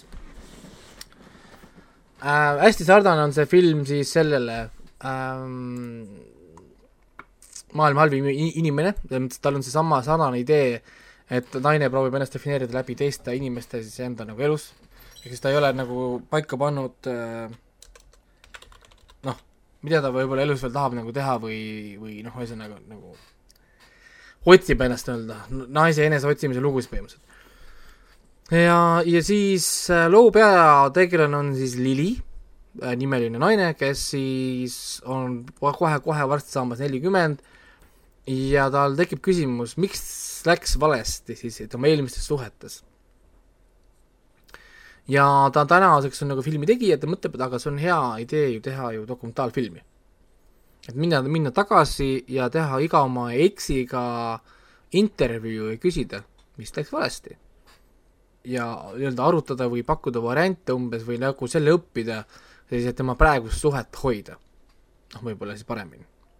noh, et nagu ja siis hakkabki, kõigepealt ta muidugi noh, läheb kõige lähemal asuval eksile, kes on temaga samas riigis, aga millegipärast tema teised eksid on kõik väga kaugel, kas Mehhikos või Itaalias või kuskil mujal, mujal riikides, ja siis film ongi niisugune episoodiline. teekond siis sinna eksi juurde, osad eksid ei taha kohe noh, reageerida, siis ta näeb vanu sõpru, tuttavaid ja nii edasi, ja muidugi ka, kui ta vanade eks- eksidega saab kokku, siis võib-olla osad asjad tulevad pinnale tagasi. Ja nii edasi ehk siis niisugune, niisugune nagu neli eksi vist on tal kokku või, või midagi sellist. ja, ja muidugi noh, minule meeldib see lause, kus kohas siis tema praegune mees tahab teda maha jätta peale seda kogu, kogu seda protseduuri. ja siis see naine nagu, et enne kui sa mind maha jätad, kas sa oled nõus mulle andma intervjuu? okei, korralik research juba noh, nagu umbes, et noh, et kohe küsime siis, mis, mis läks valesti. ja siis see mees, aga see ongi valesti. pane see kuradi kaamera käest ära. väga hea. ei, selles mõttes, et ta oli nagu megalühike film oli ka, mingi no natuke üle tunni, tunni aja, tunni aja vist ainult. ja ma nüüd ei saanudki tegelikult nagu aru, kas see on nagu film või see on dokumentaalfilm, sest ta on väga nagu dokumentaalilik film, nüüd ma, kas nad teevad dokumentaalfilmi filmis sees või see film ongi dokumentaalfilm. et sellepärast, et kuna nagu see režissöör ja stsenarist on ka ise see peaosaline, siis ma nüüd ei saagi nagu aru, et kas see on nagu dokumentaalfilm, mis ta päriselt tegi, või see on nagu film, kus ta teeb dokumentaalfilmi. see jäi nagu lahtiseks.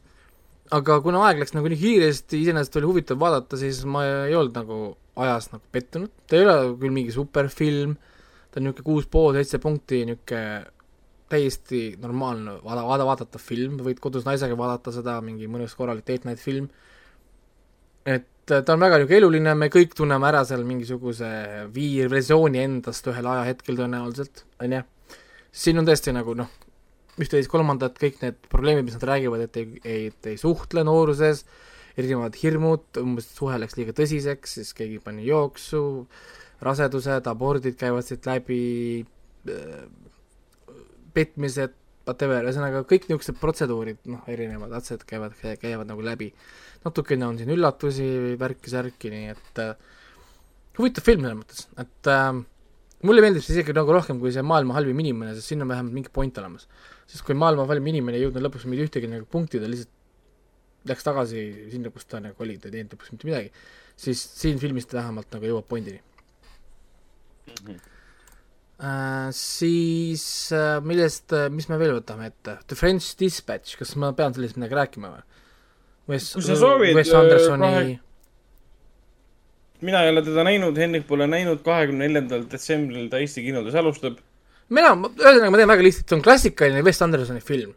väga lihtne vaadata, väga mõnus, tohutult tempokas, kõik asjad on ekraani peal kogu aeg on sensori overload, staarid igal kuradi miniepisoodis tulevad järgmised staarid sisse, igaüks teeb natukene oma stuff'i ja aeg läheb nii kiiresti, sa oled väga rahul selle filmiga, kaheksa pool kui punkti oled juba fänn, siis äh, see sinu jaoks midagi muud. aga kui Wes Andersoni stiil sind häirib, siis pole siin, siin ka midagi, midagi vaadata. aa, okei, okei, ta ei võida uusi fänne, vaid ta ja tõestab vanadele, et ma olen endiselt samal tasemel. jah, ja väga hea selles mõttes ilus film, mulle nagu väga meeldib, aga lihtsalt aasta tippu ta tõenäoliselt ei mahu, sest noh, võib-olla ka sellepärast, et ma ei ole Wes Andersoni mingi andunud fänn.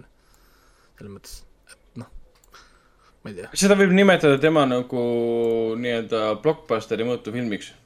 kusjuures tal kõige suurem. ähm,, ma ei tea, kas on kõige suurem, oota, mis tal see eelmine oli, see see hotell. jah, hotelliga oli, see oli minu arust palju nagu mõõdukam selle koha pealt kui okei, kui, kui, kui, kui nagu see, kuigi siin on jah, ainult staarid jälle, selles mõttes see film on ainult staare täis. ja siin on nagu minilood on siin umbes, et see on nagu selle, erinevad minilood siis selle Frank Sispets ajakirja või ajalehe elust põhimõtteliselt, nagu ongi nagu ma vaatasin, et see on selle äh, ajakirjaniku poolt antud lugu ka või tema kirjutas, aitas seda stsenaariumit kirjutada, kes neid Prince Dispatchi neid äh, kujundusi sinna ka tegi ja sealt on film saanud ka oma ide- visuaalse i- identiteedi. jah, niisugune, et ta on, ta on jälle nagu, nagu Belfast, nagu paralleelemad, kõik inimesed oskavad teha te- filmi.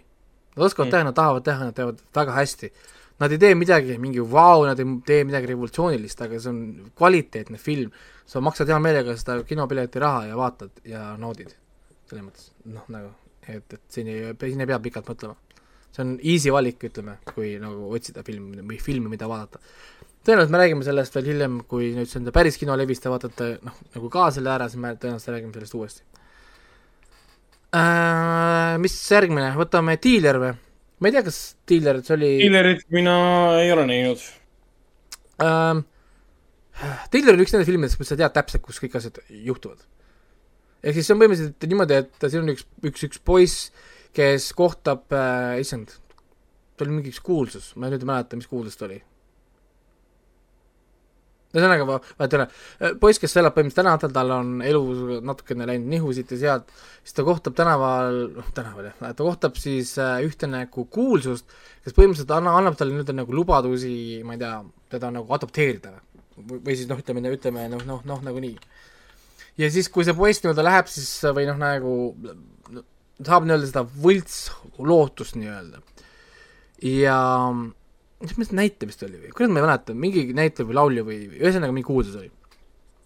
ja, ja siis, kui ta nii-öelda läheb nagu äh, otsima siis seda noh, nagu mehe juurde, et mees teda reaalselt nagu vastu võtaks, aga sel hetkel on muidugi sellel äh, näitlejal mingi halb aeg, tal on omal mingid hood, omal mingid probleemid, tal vist oli see äh, ärevushäired või, või ühesõnaga tal on mingi nagu häired ja siis ühesõnaga viskab selle poisi sealt välja, poiss ei saa aru, mis selle värk on ja siis ta läheb muidugi tagasi oma nende diilerite juurde, kellele ta narkootikume edasi müüb ja selline niisugune nagu lugu siis selle ümber põhimõtteliselt.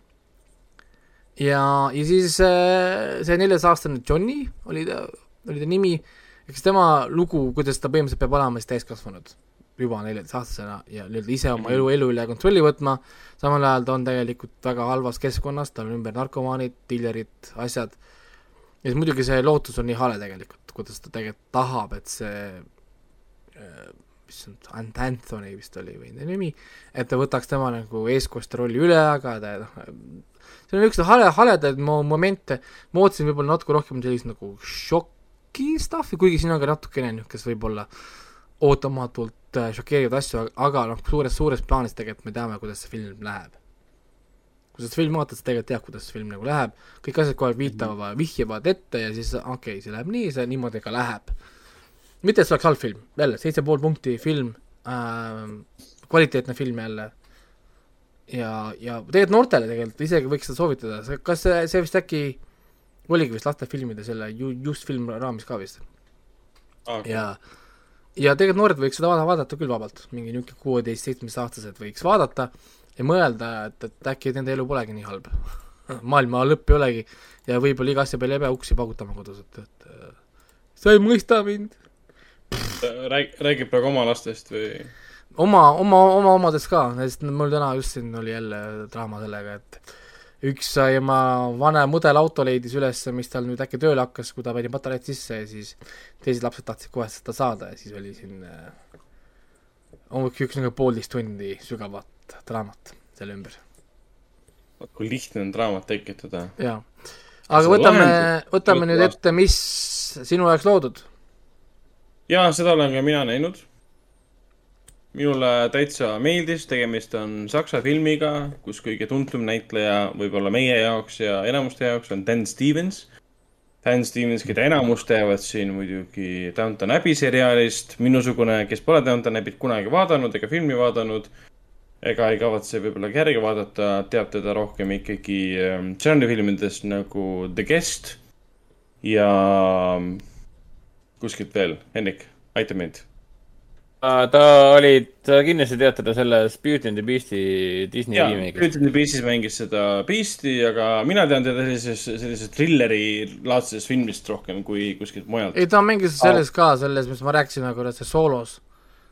Seal oli tal ka paar rolli, see oli see Ah. Prime, Prime video see, jaa, mida ma see- natukene maha, maha Jaa. tegin. ta oli seal ka vä- väikses nagu rollis. mis on väga tore näitleja ja, ja see film, saksa film, ma sain Nii. praegu teada, et ta tegi Netflixi Keepo and the Age of Wonder Beastist, tegi ta reaalselt Scullamane'i ja Hugo häält. Endale alles praegu teada, et see oli Stan ah,, okei. Stan Stevens. no näed, aa õigus jah, ta oli ärgem selles äh, Eurovisiooni mängis film. Sander Lemtovit mängis legendaarset Jaa, jaa. äh, Vene, Vene, Vene Eurovisiooni osa lauljat. täpselt, täpselt, täpselt, täpselt. aa õige Aga- jaa, oli küll, issand muidugi. oli küll jah, ta on niivõrd, ta on niivõrd sümpaatne näitleja ja siin ta näitab puhtas saksa keeles. minul jäi mulje, et tal on aktsent, sest seda filmis põhjendatakse ka, miks tal on aktsent. Ja räägib väga heas saksa keeles, tegemist on saksa filmiga, Saksamaa esitas selle ka Oscarile, ei tea, kas saab või kas sinna üldse jõuab. ta ei ole kindlasti Oscari võidufilm. nagu sellest ma ei saa üldse aru, et kui Ta me läheme puhas Saksamaa minevikku, ta on puhas kino, selline trash, romantiline kinofilm. aga Saksamaa varasemalt esitanud no mingi Toni Erdmanni, Der Untergangi, mingi teiste elud ja siis tuleb see film, et see on nagu what, what, what, was, was is denn das, tekib minul küsimus. et miks, miks see on seal samas nimekirjas, aga ta ei ole halb film, ta on väga hästi struktureeritud, hästi tabatud, head näitlejad, kogu see suhestumine kahe tegelase vahel.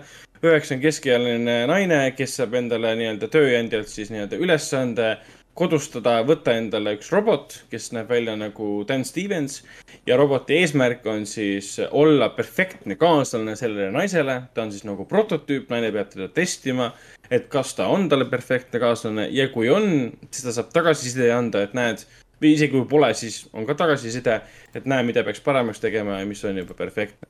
ja otse loomulikult äh, alguses on naine väga tõrge selle kõige ja, suhtes. ja see on jah, et ke- keegi ei näe seda tulemas. ja mitte keegi ei näe seda tulemas, et na- naine alguses ei hooli sellest robotist üldse, robot üritab kõike teha talle väga hästi ja lõpuks, lõpuks muidugi jää murdub ja, ja naine, inimnaine armub ikkagi, ikkagi, ma ei nimetaks seda otseselt nagu armumiseks. ta ikka armub, ta ikka armub ära, ta ikka armub ära. nojah, aga see on ka see tasand, et see, see robot, see humanoidne robot aitab tal oma elu muuta, elu teistmoodi mõtestada ja näha. Sest tal on ka trauma, millest ta üritab üri-, üle, üle saada, see, see oli ka umbes täpselt see, et kes oleks osanud seda. arvata, ei, sellel naisel, kes oleks osanud seda arvata, et naisel on mingi konkreetne põhjus, miks ta on nii kõik, tõrges kõigi suhtes. See ei ole tea. ühest kohast tulnud, et Oh, sul oli a trauma surprise. või? Gosh darn it. ja, ja ei nüüd, ei nüüd kuule terve see see terve see stsenaarium oli, vau, ma ei, seda ei näinud tulemas, et see oli šokk, onju. aga, aga ei, selles mõttes, ta on klassikaline date night film. lihtsalt universaalne ja saalid olid täis. sõna otseses mõttes kõik, kus saalid olid viimse kohani täis müüdud, sellepärast et inimesed tahtsid seda filmi näha. naised olid saalis, ma naersin enamus ajast, see oli hästi hea komöödia. kui, kui see film tuleb kuskile levisse, ma tahan seda naisega kodus, kodus, kodus uuesti vaadata. täpselt selline film, mida sa võid vaadata väga rahulikult äh, ilma mingi suurema pingutuseta.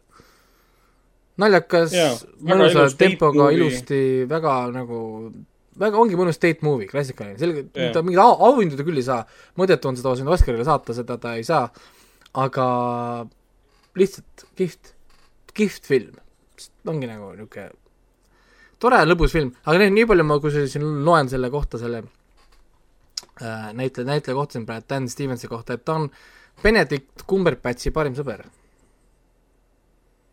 ma, ma, ma olen ka, kas sa ei teadnud? Ja nad käisid samas, samal ajal koolis siis koos Rebecca Halli, Eddie Redmayni ja Tom Hiddlestoniga.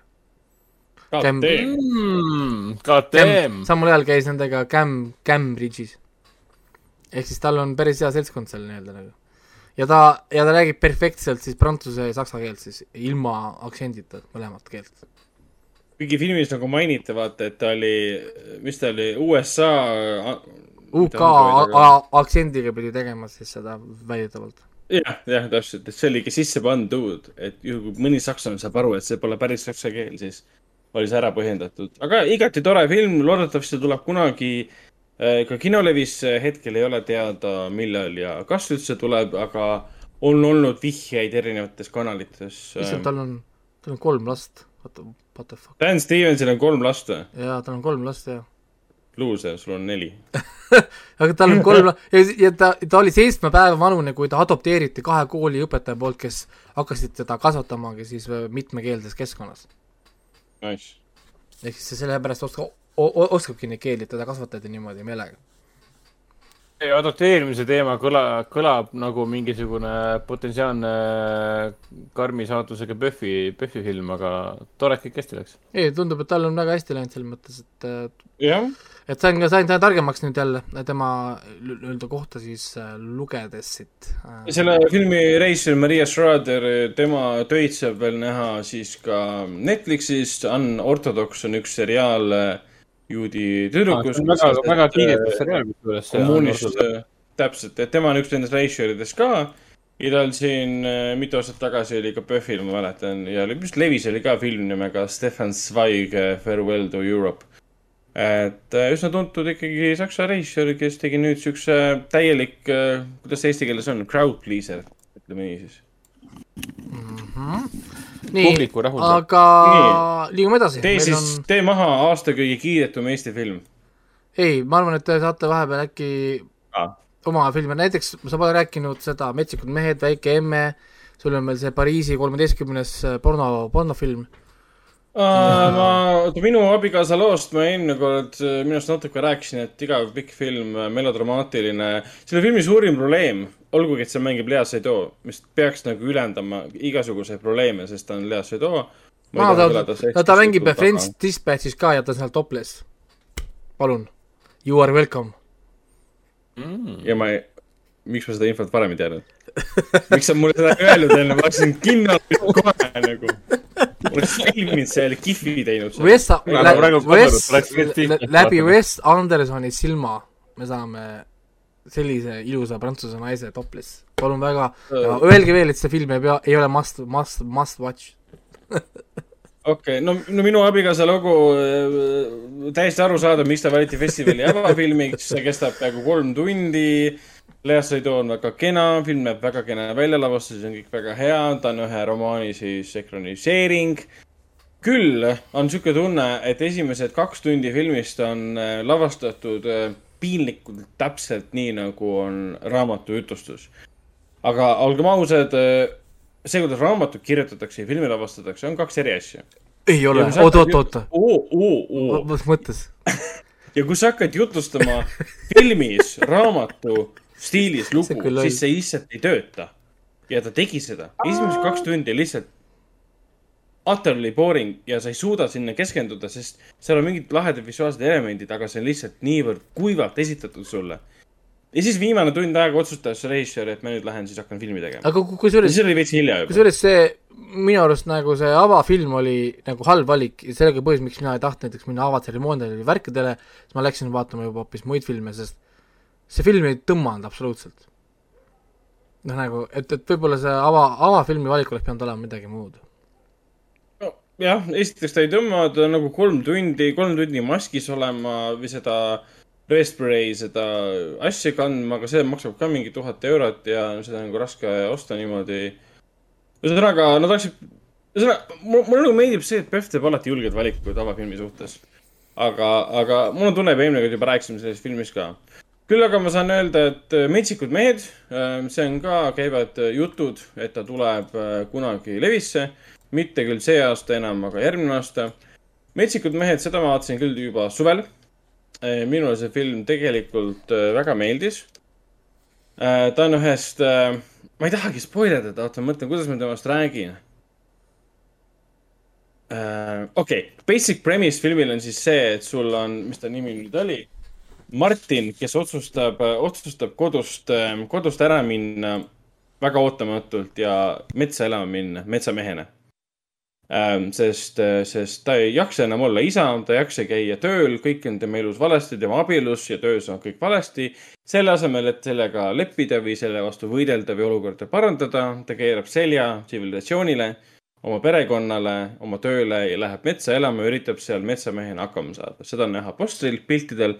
Ta kannab äh, nahkriideid, äh, mis on siis nagu tehtud siis hirvenahast ja kõik siuksed asjad aga seal tulevad mitu, mitu, mitu, mitu üllatust kohe sisse, sest võti on see, et tegemist on, tegemist on ta-, vabandust, Taani siis, Taani komöödiaga. see on Taani komöödia, mis tähendab see, see, see eelmulje, mis jääb filmist, ei vasta kindlasti tõele. tegelikult juba kindlasti mm, treiler spoiletab päris palju ära. väga kvaliteetne draamakomöödia, ta algab naljakalt, seal tekivad tüüpilised naljakad sekeldused, ta on tegelikult road movie Äh, mis oli ka minu jaoks väga üllatav element sellest filmist. ja, ja siin tuleb ka immigrantide teema sisse Skandinaavias ja kõik siuksed asjad sisse. siin on siuksed vanad politseinikud väikestes Taani külades ja nii edasi. ja see peategelane Rasmus Bjerge on jah, Bjerg, kes teda mängib, fantastiliselt mängib, selline suur tüüp, kes üritab hakkama saada, aga tulemus ongi see, et noh ta lihtsalt esimene, esimene õhtu, kui ta sinna metsa läheb, siis üritab mingit äh, kitse maha võtta, ta ei saa sellega hakkama, siis ta lihtsalt läheb kohalikku bensujaama reidima. ja, ja, ja siis tuleb välja, et tal on mingid kõrvalapid, kus ta musa kuulab ja vaatab mobiilist, äh, millega naine tegeleb ja et ta tegelikult on ülimalt fake metsamees. ta esimesel õhtul sai aru, et ta ei saa mitte millegagi hakkama aga Aha. seal tuleb, seal tuleb üks teine looline element sisse, mis pöörab selle, selle metsas elamise hoopis pea peale ja viib selle nagu road movie'ks, seda ma ei taha nagu spoilerdada. see road movie element, mis sinna tuleb, see mulle otseselt ei meeldinud, sest äh, see oli hästi tavaline ja, ja viis filmi selles suunas, kuhu sa kohe eeldasid. alguses oli vähemalt selline, selline üllatusmoment, et kuhu see nüüd läheb, et äh, kui, kui naljakaks see nüüd minna saab, aga selle asemel ta läks nagu draamaks ja ta läks täpselt selles suunas, kus, kuhu sellised road movie'd nagu lähevad. et ühe, ühelt poolt oli kaks filmi ühes. et oleks võinudki jääda, olla lugu, analüüs, komöödia, tragikomöödia, absurdikomöödia mehest, kes on metsas. või olla lugu sellest road movie'st, mitte kaks asja kokku panna ja mitte neid nii nagu lohakalt kokku panna. aga ta on jällegi nagu sinu jaoks loodud, ta on väga crowd pleasing, ta on väga tore, lõbus, südamlik enamus inimesed ei hakka kritiseerima neid asju, mida mina praegu välja käisin, sest ta on piisavalt nagu positiivseid emotsioone tekitav. nii, mis siis veel? no see Pariisi porno, porno, pornolugu uh,. mul ka ei tunne, ma olen sellest juba rääkinud uh,, ma võin mainida, jaa uh,. Pariis kolmteist, kolmeteistkümnes linnaosa on siis Jacques Audiardi uus film Jacques Arriard äh, esimest korda pälvis minu tähelepanu, kui ta tegi filmi nimega Prophet. siis ta tegi filmi nimega Rust and Bowl, mis oli mingi, et äh,. issand, Rust on eesti keeles oh.. Roste. Roste ja luu oli filmi nimi, täpselt. ma ei tea, aju ühel hetkel otsustas, et ta ei vasta enam minu küsimustele ja, ja tal on veel hunnik äh, filme olnud, üks film on mul tal nägemata, see Tepan aga paar aastat tagasi tal tuli see The Sisters Brothers välja, mis mulle jälle väga-väga meeldis. mistõttu ma siis äh, võtsin ema kaasa ja läksin äh, Pariisi kolmeteistkümnendat linnaosa vaatama, mis PÖFFil linastus. ema võtsin kaasa sellepärast, et tema on käinud selles linnaosas, vähemalt sealt mööda käinud ja õega seal sellest nagu rääkinud ja näinud, kuidas seal elu käib ja tahtis seda nagu uuesti näha um,. ta on mustvalge film. jah, ta leiab aset Pariisi kolmeteistkümnendat linnaosas, mis on selline noh, Pariis on väga suur, kui sa käid Pariisis ainult äh, Louvre'i juures, siis sa ei ole mitte midagi enne Pariisist näinud.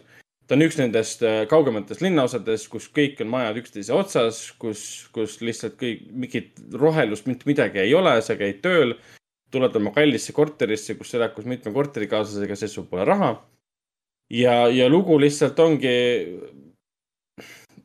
kahest neiust ühest mehest põhimõtteliselt ähm, ja selles, kuidas nad alguses omavahel kokku ei saa.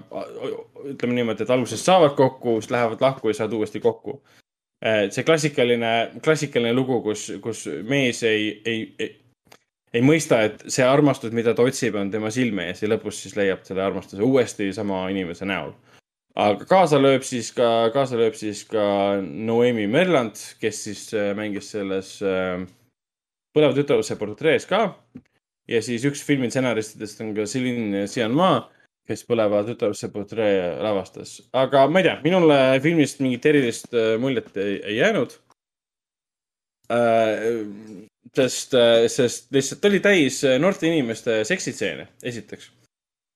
nii ja, ja, ja, ja oot-oot nüüd ja see oli halb. mis see probleem oli? ja see on halb, kuidas täpselt ei no lihtsalt, see ei ole halb, aga lihtsalt ma olen nagu nii palju neid filme lõpuks näinud siin PÖFFil ka, et mul on tunne, et ma võin lõpuks kritiseerima hakata, et kui naudingus oli see nagu põhjendatud, siis siin oli ühel hetkel see, et okei okay,, te saate kokku esimest korda ja seksite, lõpuks oli see, et nad seksivad kogu aeg nagu jänesed või, või mis iganes.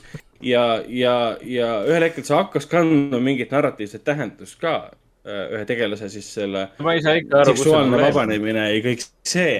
Aga see oli lõpus nagu igav, et mingi Rain Tolk istus, istus mu eesreas ja lihtsalt scroll'is kogu selle seksimise peale nagu mobiili ja vaatas PÖFFi kava läbi ja, ja mul hakkas ka nagu igav, sest lihtsalt lugu ei liikunud edasi, noored saavad kokku, käivad peol, teevad tablette elavad seda raskelt üle, saavad kokku, lähevad lahku, seksivad igas poosis ja nii edasi. muusika mulle meeldis, minu arust muusika on väga hea, otsige üles äh, Spotify's on täitsa olemas.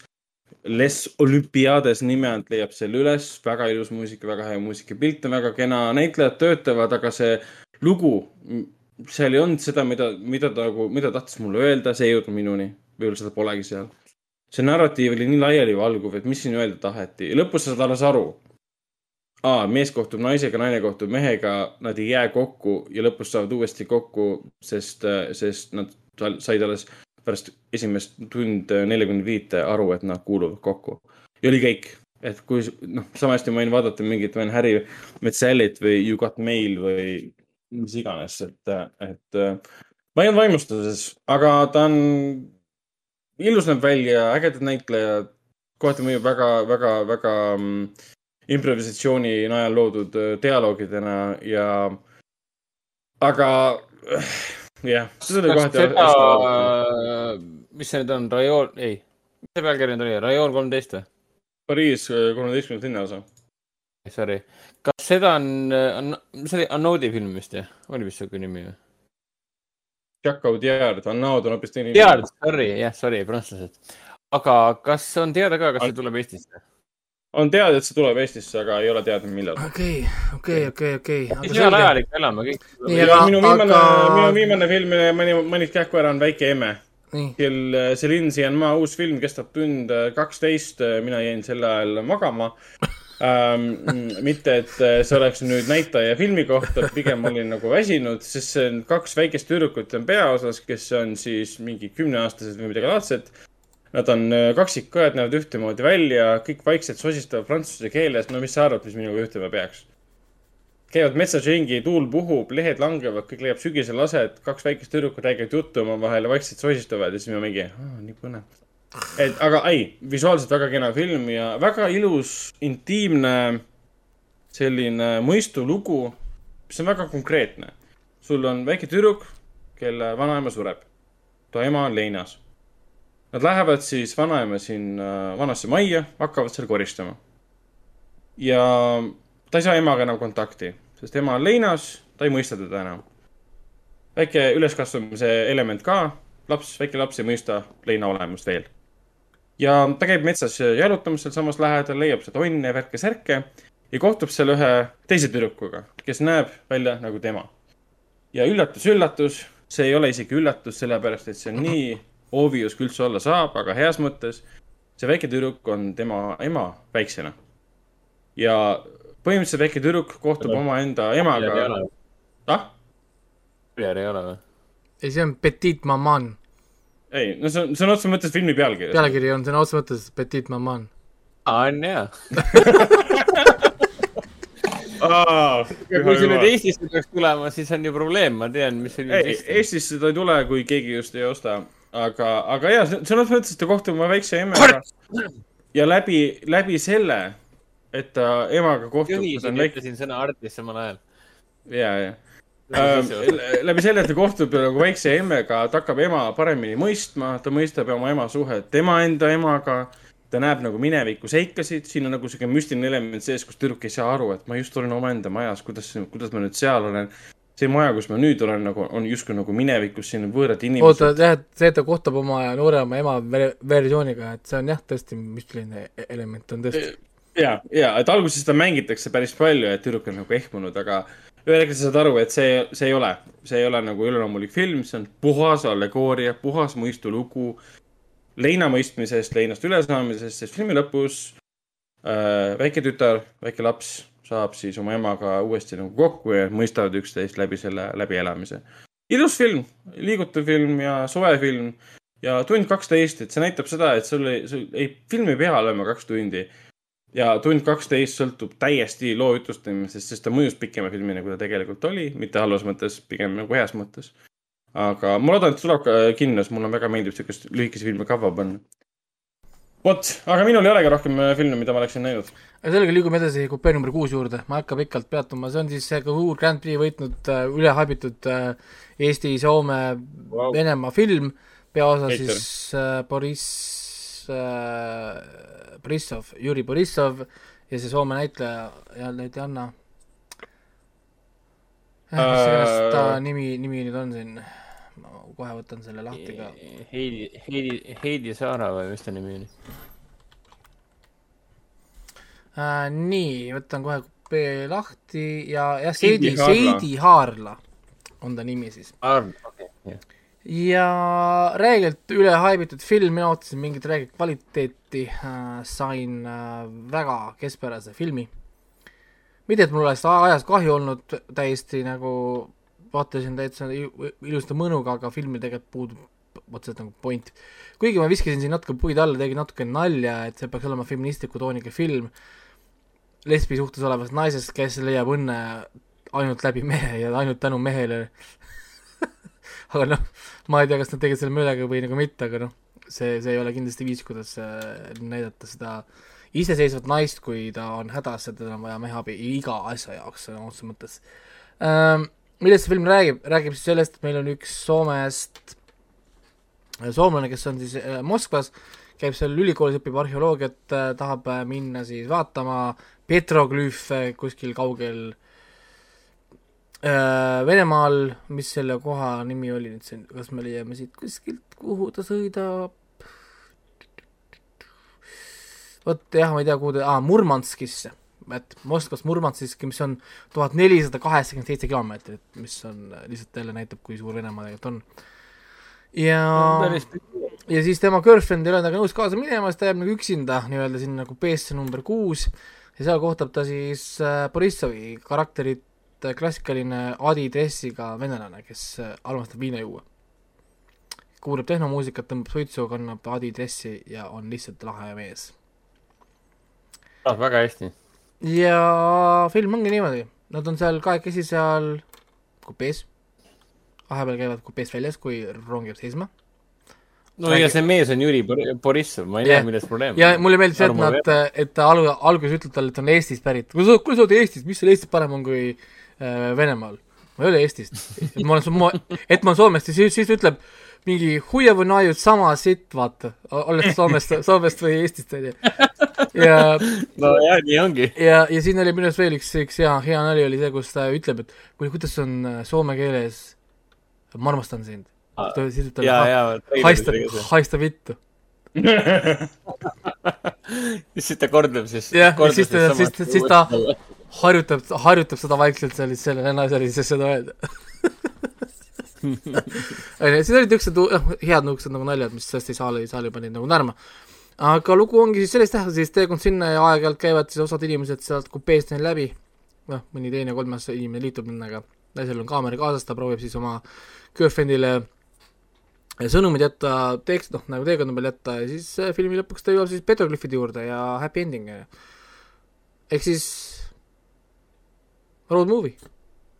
selles mõttes nagu nii-öelda road trip movie.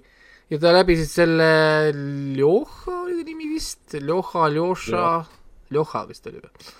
Ähm, nii-öelda hakkab siis avastama uusi asju endas, uusi tundeid endas, leiab võib-olla uut- uut eesmärki endas. Ja mm, ma ei tea, ma ei oska öelda, mis siin filmis see power element peaks olema. Et kõik teevad oma, oma töö, töö nagu ära. kusjuures see on üks väheseid filme, kus minu arust visuaalselt film on nõrk.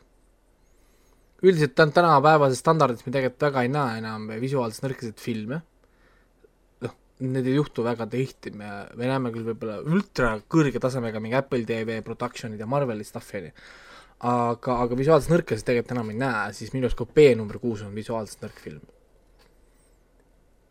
et, et väga nii, karmid, karmid nii, sõnad. nii nagu veidraid valikuid, ütleme, teatud nurkadega, teatud asjadega, lõpus ta läheb paremaks, kui nad on rongist väljas, neil on nagu ruumi nagu, nagu sättida, teha, siis nad saavad küll nagu kuidagi selle nagu paika. aga rongis on kõik kogu aeg niisugune nagu veider, ma saan aru, et võib-olla nad tahtsidki näidata, et umbes on kitsas, meil pole ruumi, niisugune nagu jätta selline klaustrofoobilist tunnet, tunnet, tunnet võib-olla nagu aga, aga, kõik oli pime, sähis, säris, särisev või see pikslite lugemine kogu aeg nagu ekraani peal, mis tundus mulle nagu veider. et noh, me räägime siin suurte, suureelarvelisest filmist, kes sai raha Eestist, ma ei tea, Soomest, Venemaalt, igast võimalikust kuradi programmist sai rahasid, on ju. Cannes'i filmidelt võitis see siis kuidagi nagu awkward oli natukene. noh, vähemalt visuaalses mõttes. äkki see oli mingi koopia viga või? Ei, lihtsalt must, vaata, kui sa vaata, meil mustasid toone on vähe.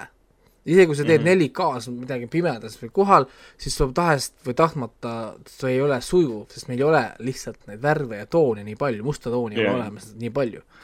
siis kui sa teed pimedas rongis ja sul on niisuguse tumeda tooniga film ja sa kasutad tõenäoliselt ka mitte mingit, ma ei tea, mis kuradi kaamerat sa kasutasid, siis kogu aeg oli niisugune nagu säbrune asi, nagu mulle ei meeldinud see lihtsalt, nagu tundus mulle nii nagu veider ja see oli see film, mida ma vaatasin e-, esimesest reast ka, nii et mul oli kael pärast kuradi kõver. et ähm, ma ei oska öelda, aga ta ei olnud kindlasti see, mida ma ootasin ja nüüd võib-olla süüdistame seda, et ma ootasin võib-olla liiga palju, aga kui talle anti Grand Prix auhind Cannes'i filmifestivalis, kas me peaksime ootama vähe?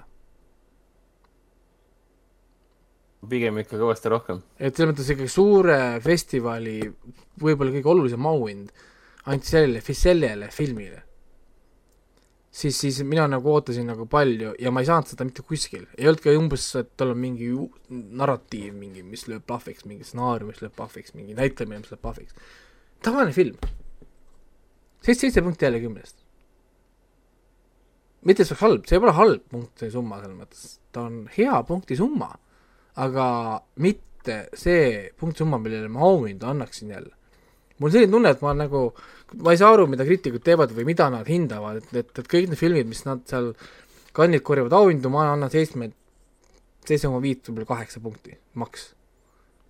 et, et miks nagu nii, välja arvatud, välja arvatud Drive My Car, Drive My Car, mis ka kanni parima stsenaariumi, mina kiitsin seda nüüd tõesti palju.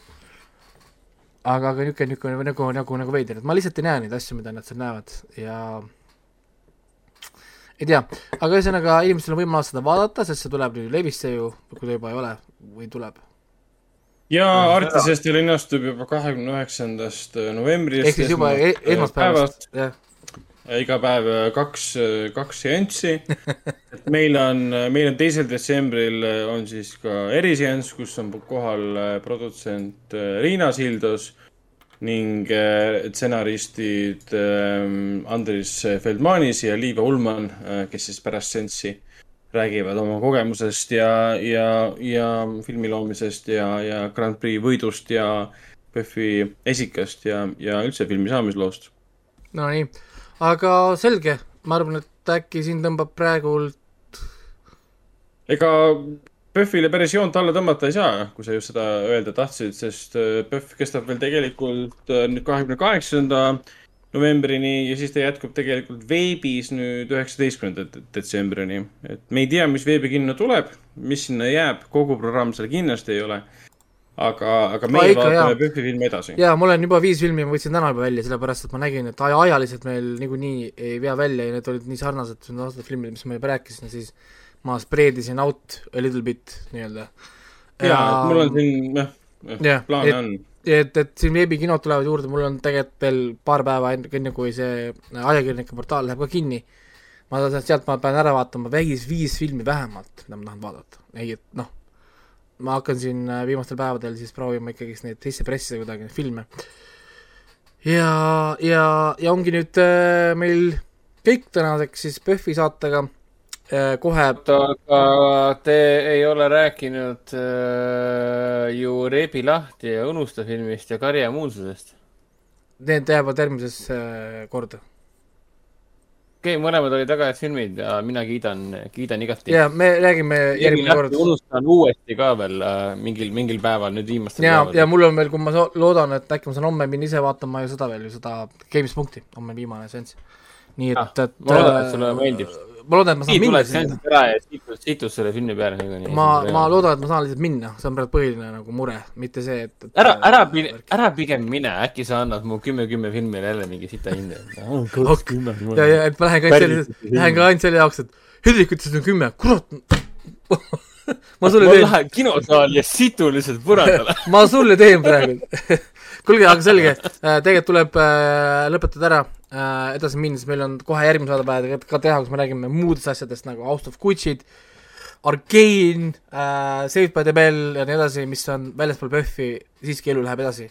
nii et järgmine saade tuleb tegelikult suht juba kohe, võib-olla need lähevadki vist järjest üles upload ima või ma ei tea, ühesõnaga me peame liikuma edasi ja, ja räägime siis juba järgmises PÖFFi saates uuesti väsimatu, väsimatu töömesilased. ja, ja järgmise korrani, mis on siis juba suht kohe, aga ka PÖFFi saade tõenäoliselt tuleb juba ka varsti niikuinii, sest meil on PÖFF kestab kuni üheksateistkümnes detsember koos veebikinoga, nii et PÖFF ei ole kuskile läinud. Ja me tuletame kindlasti meelde, kui nüüd veebikino kava tuleb.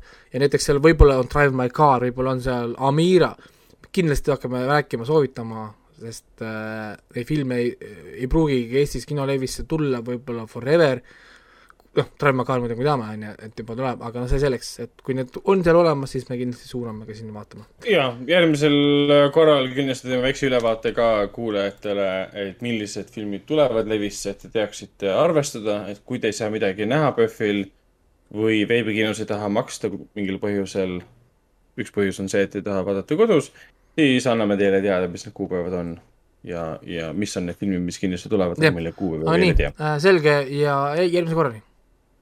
tšau. au.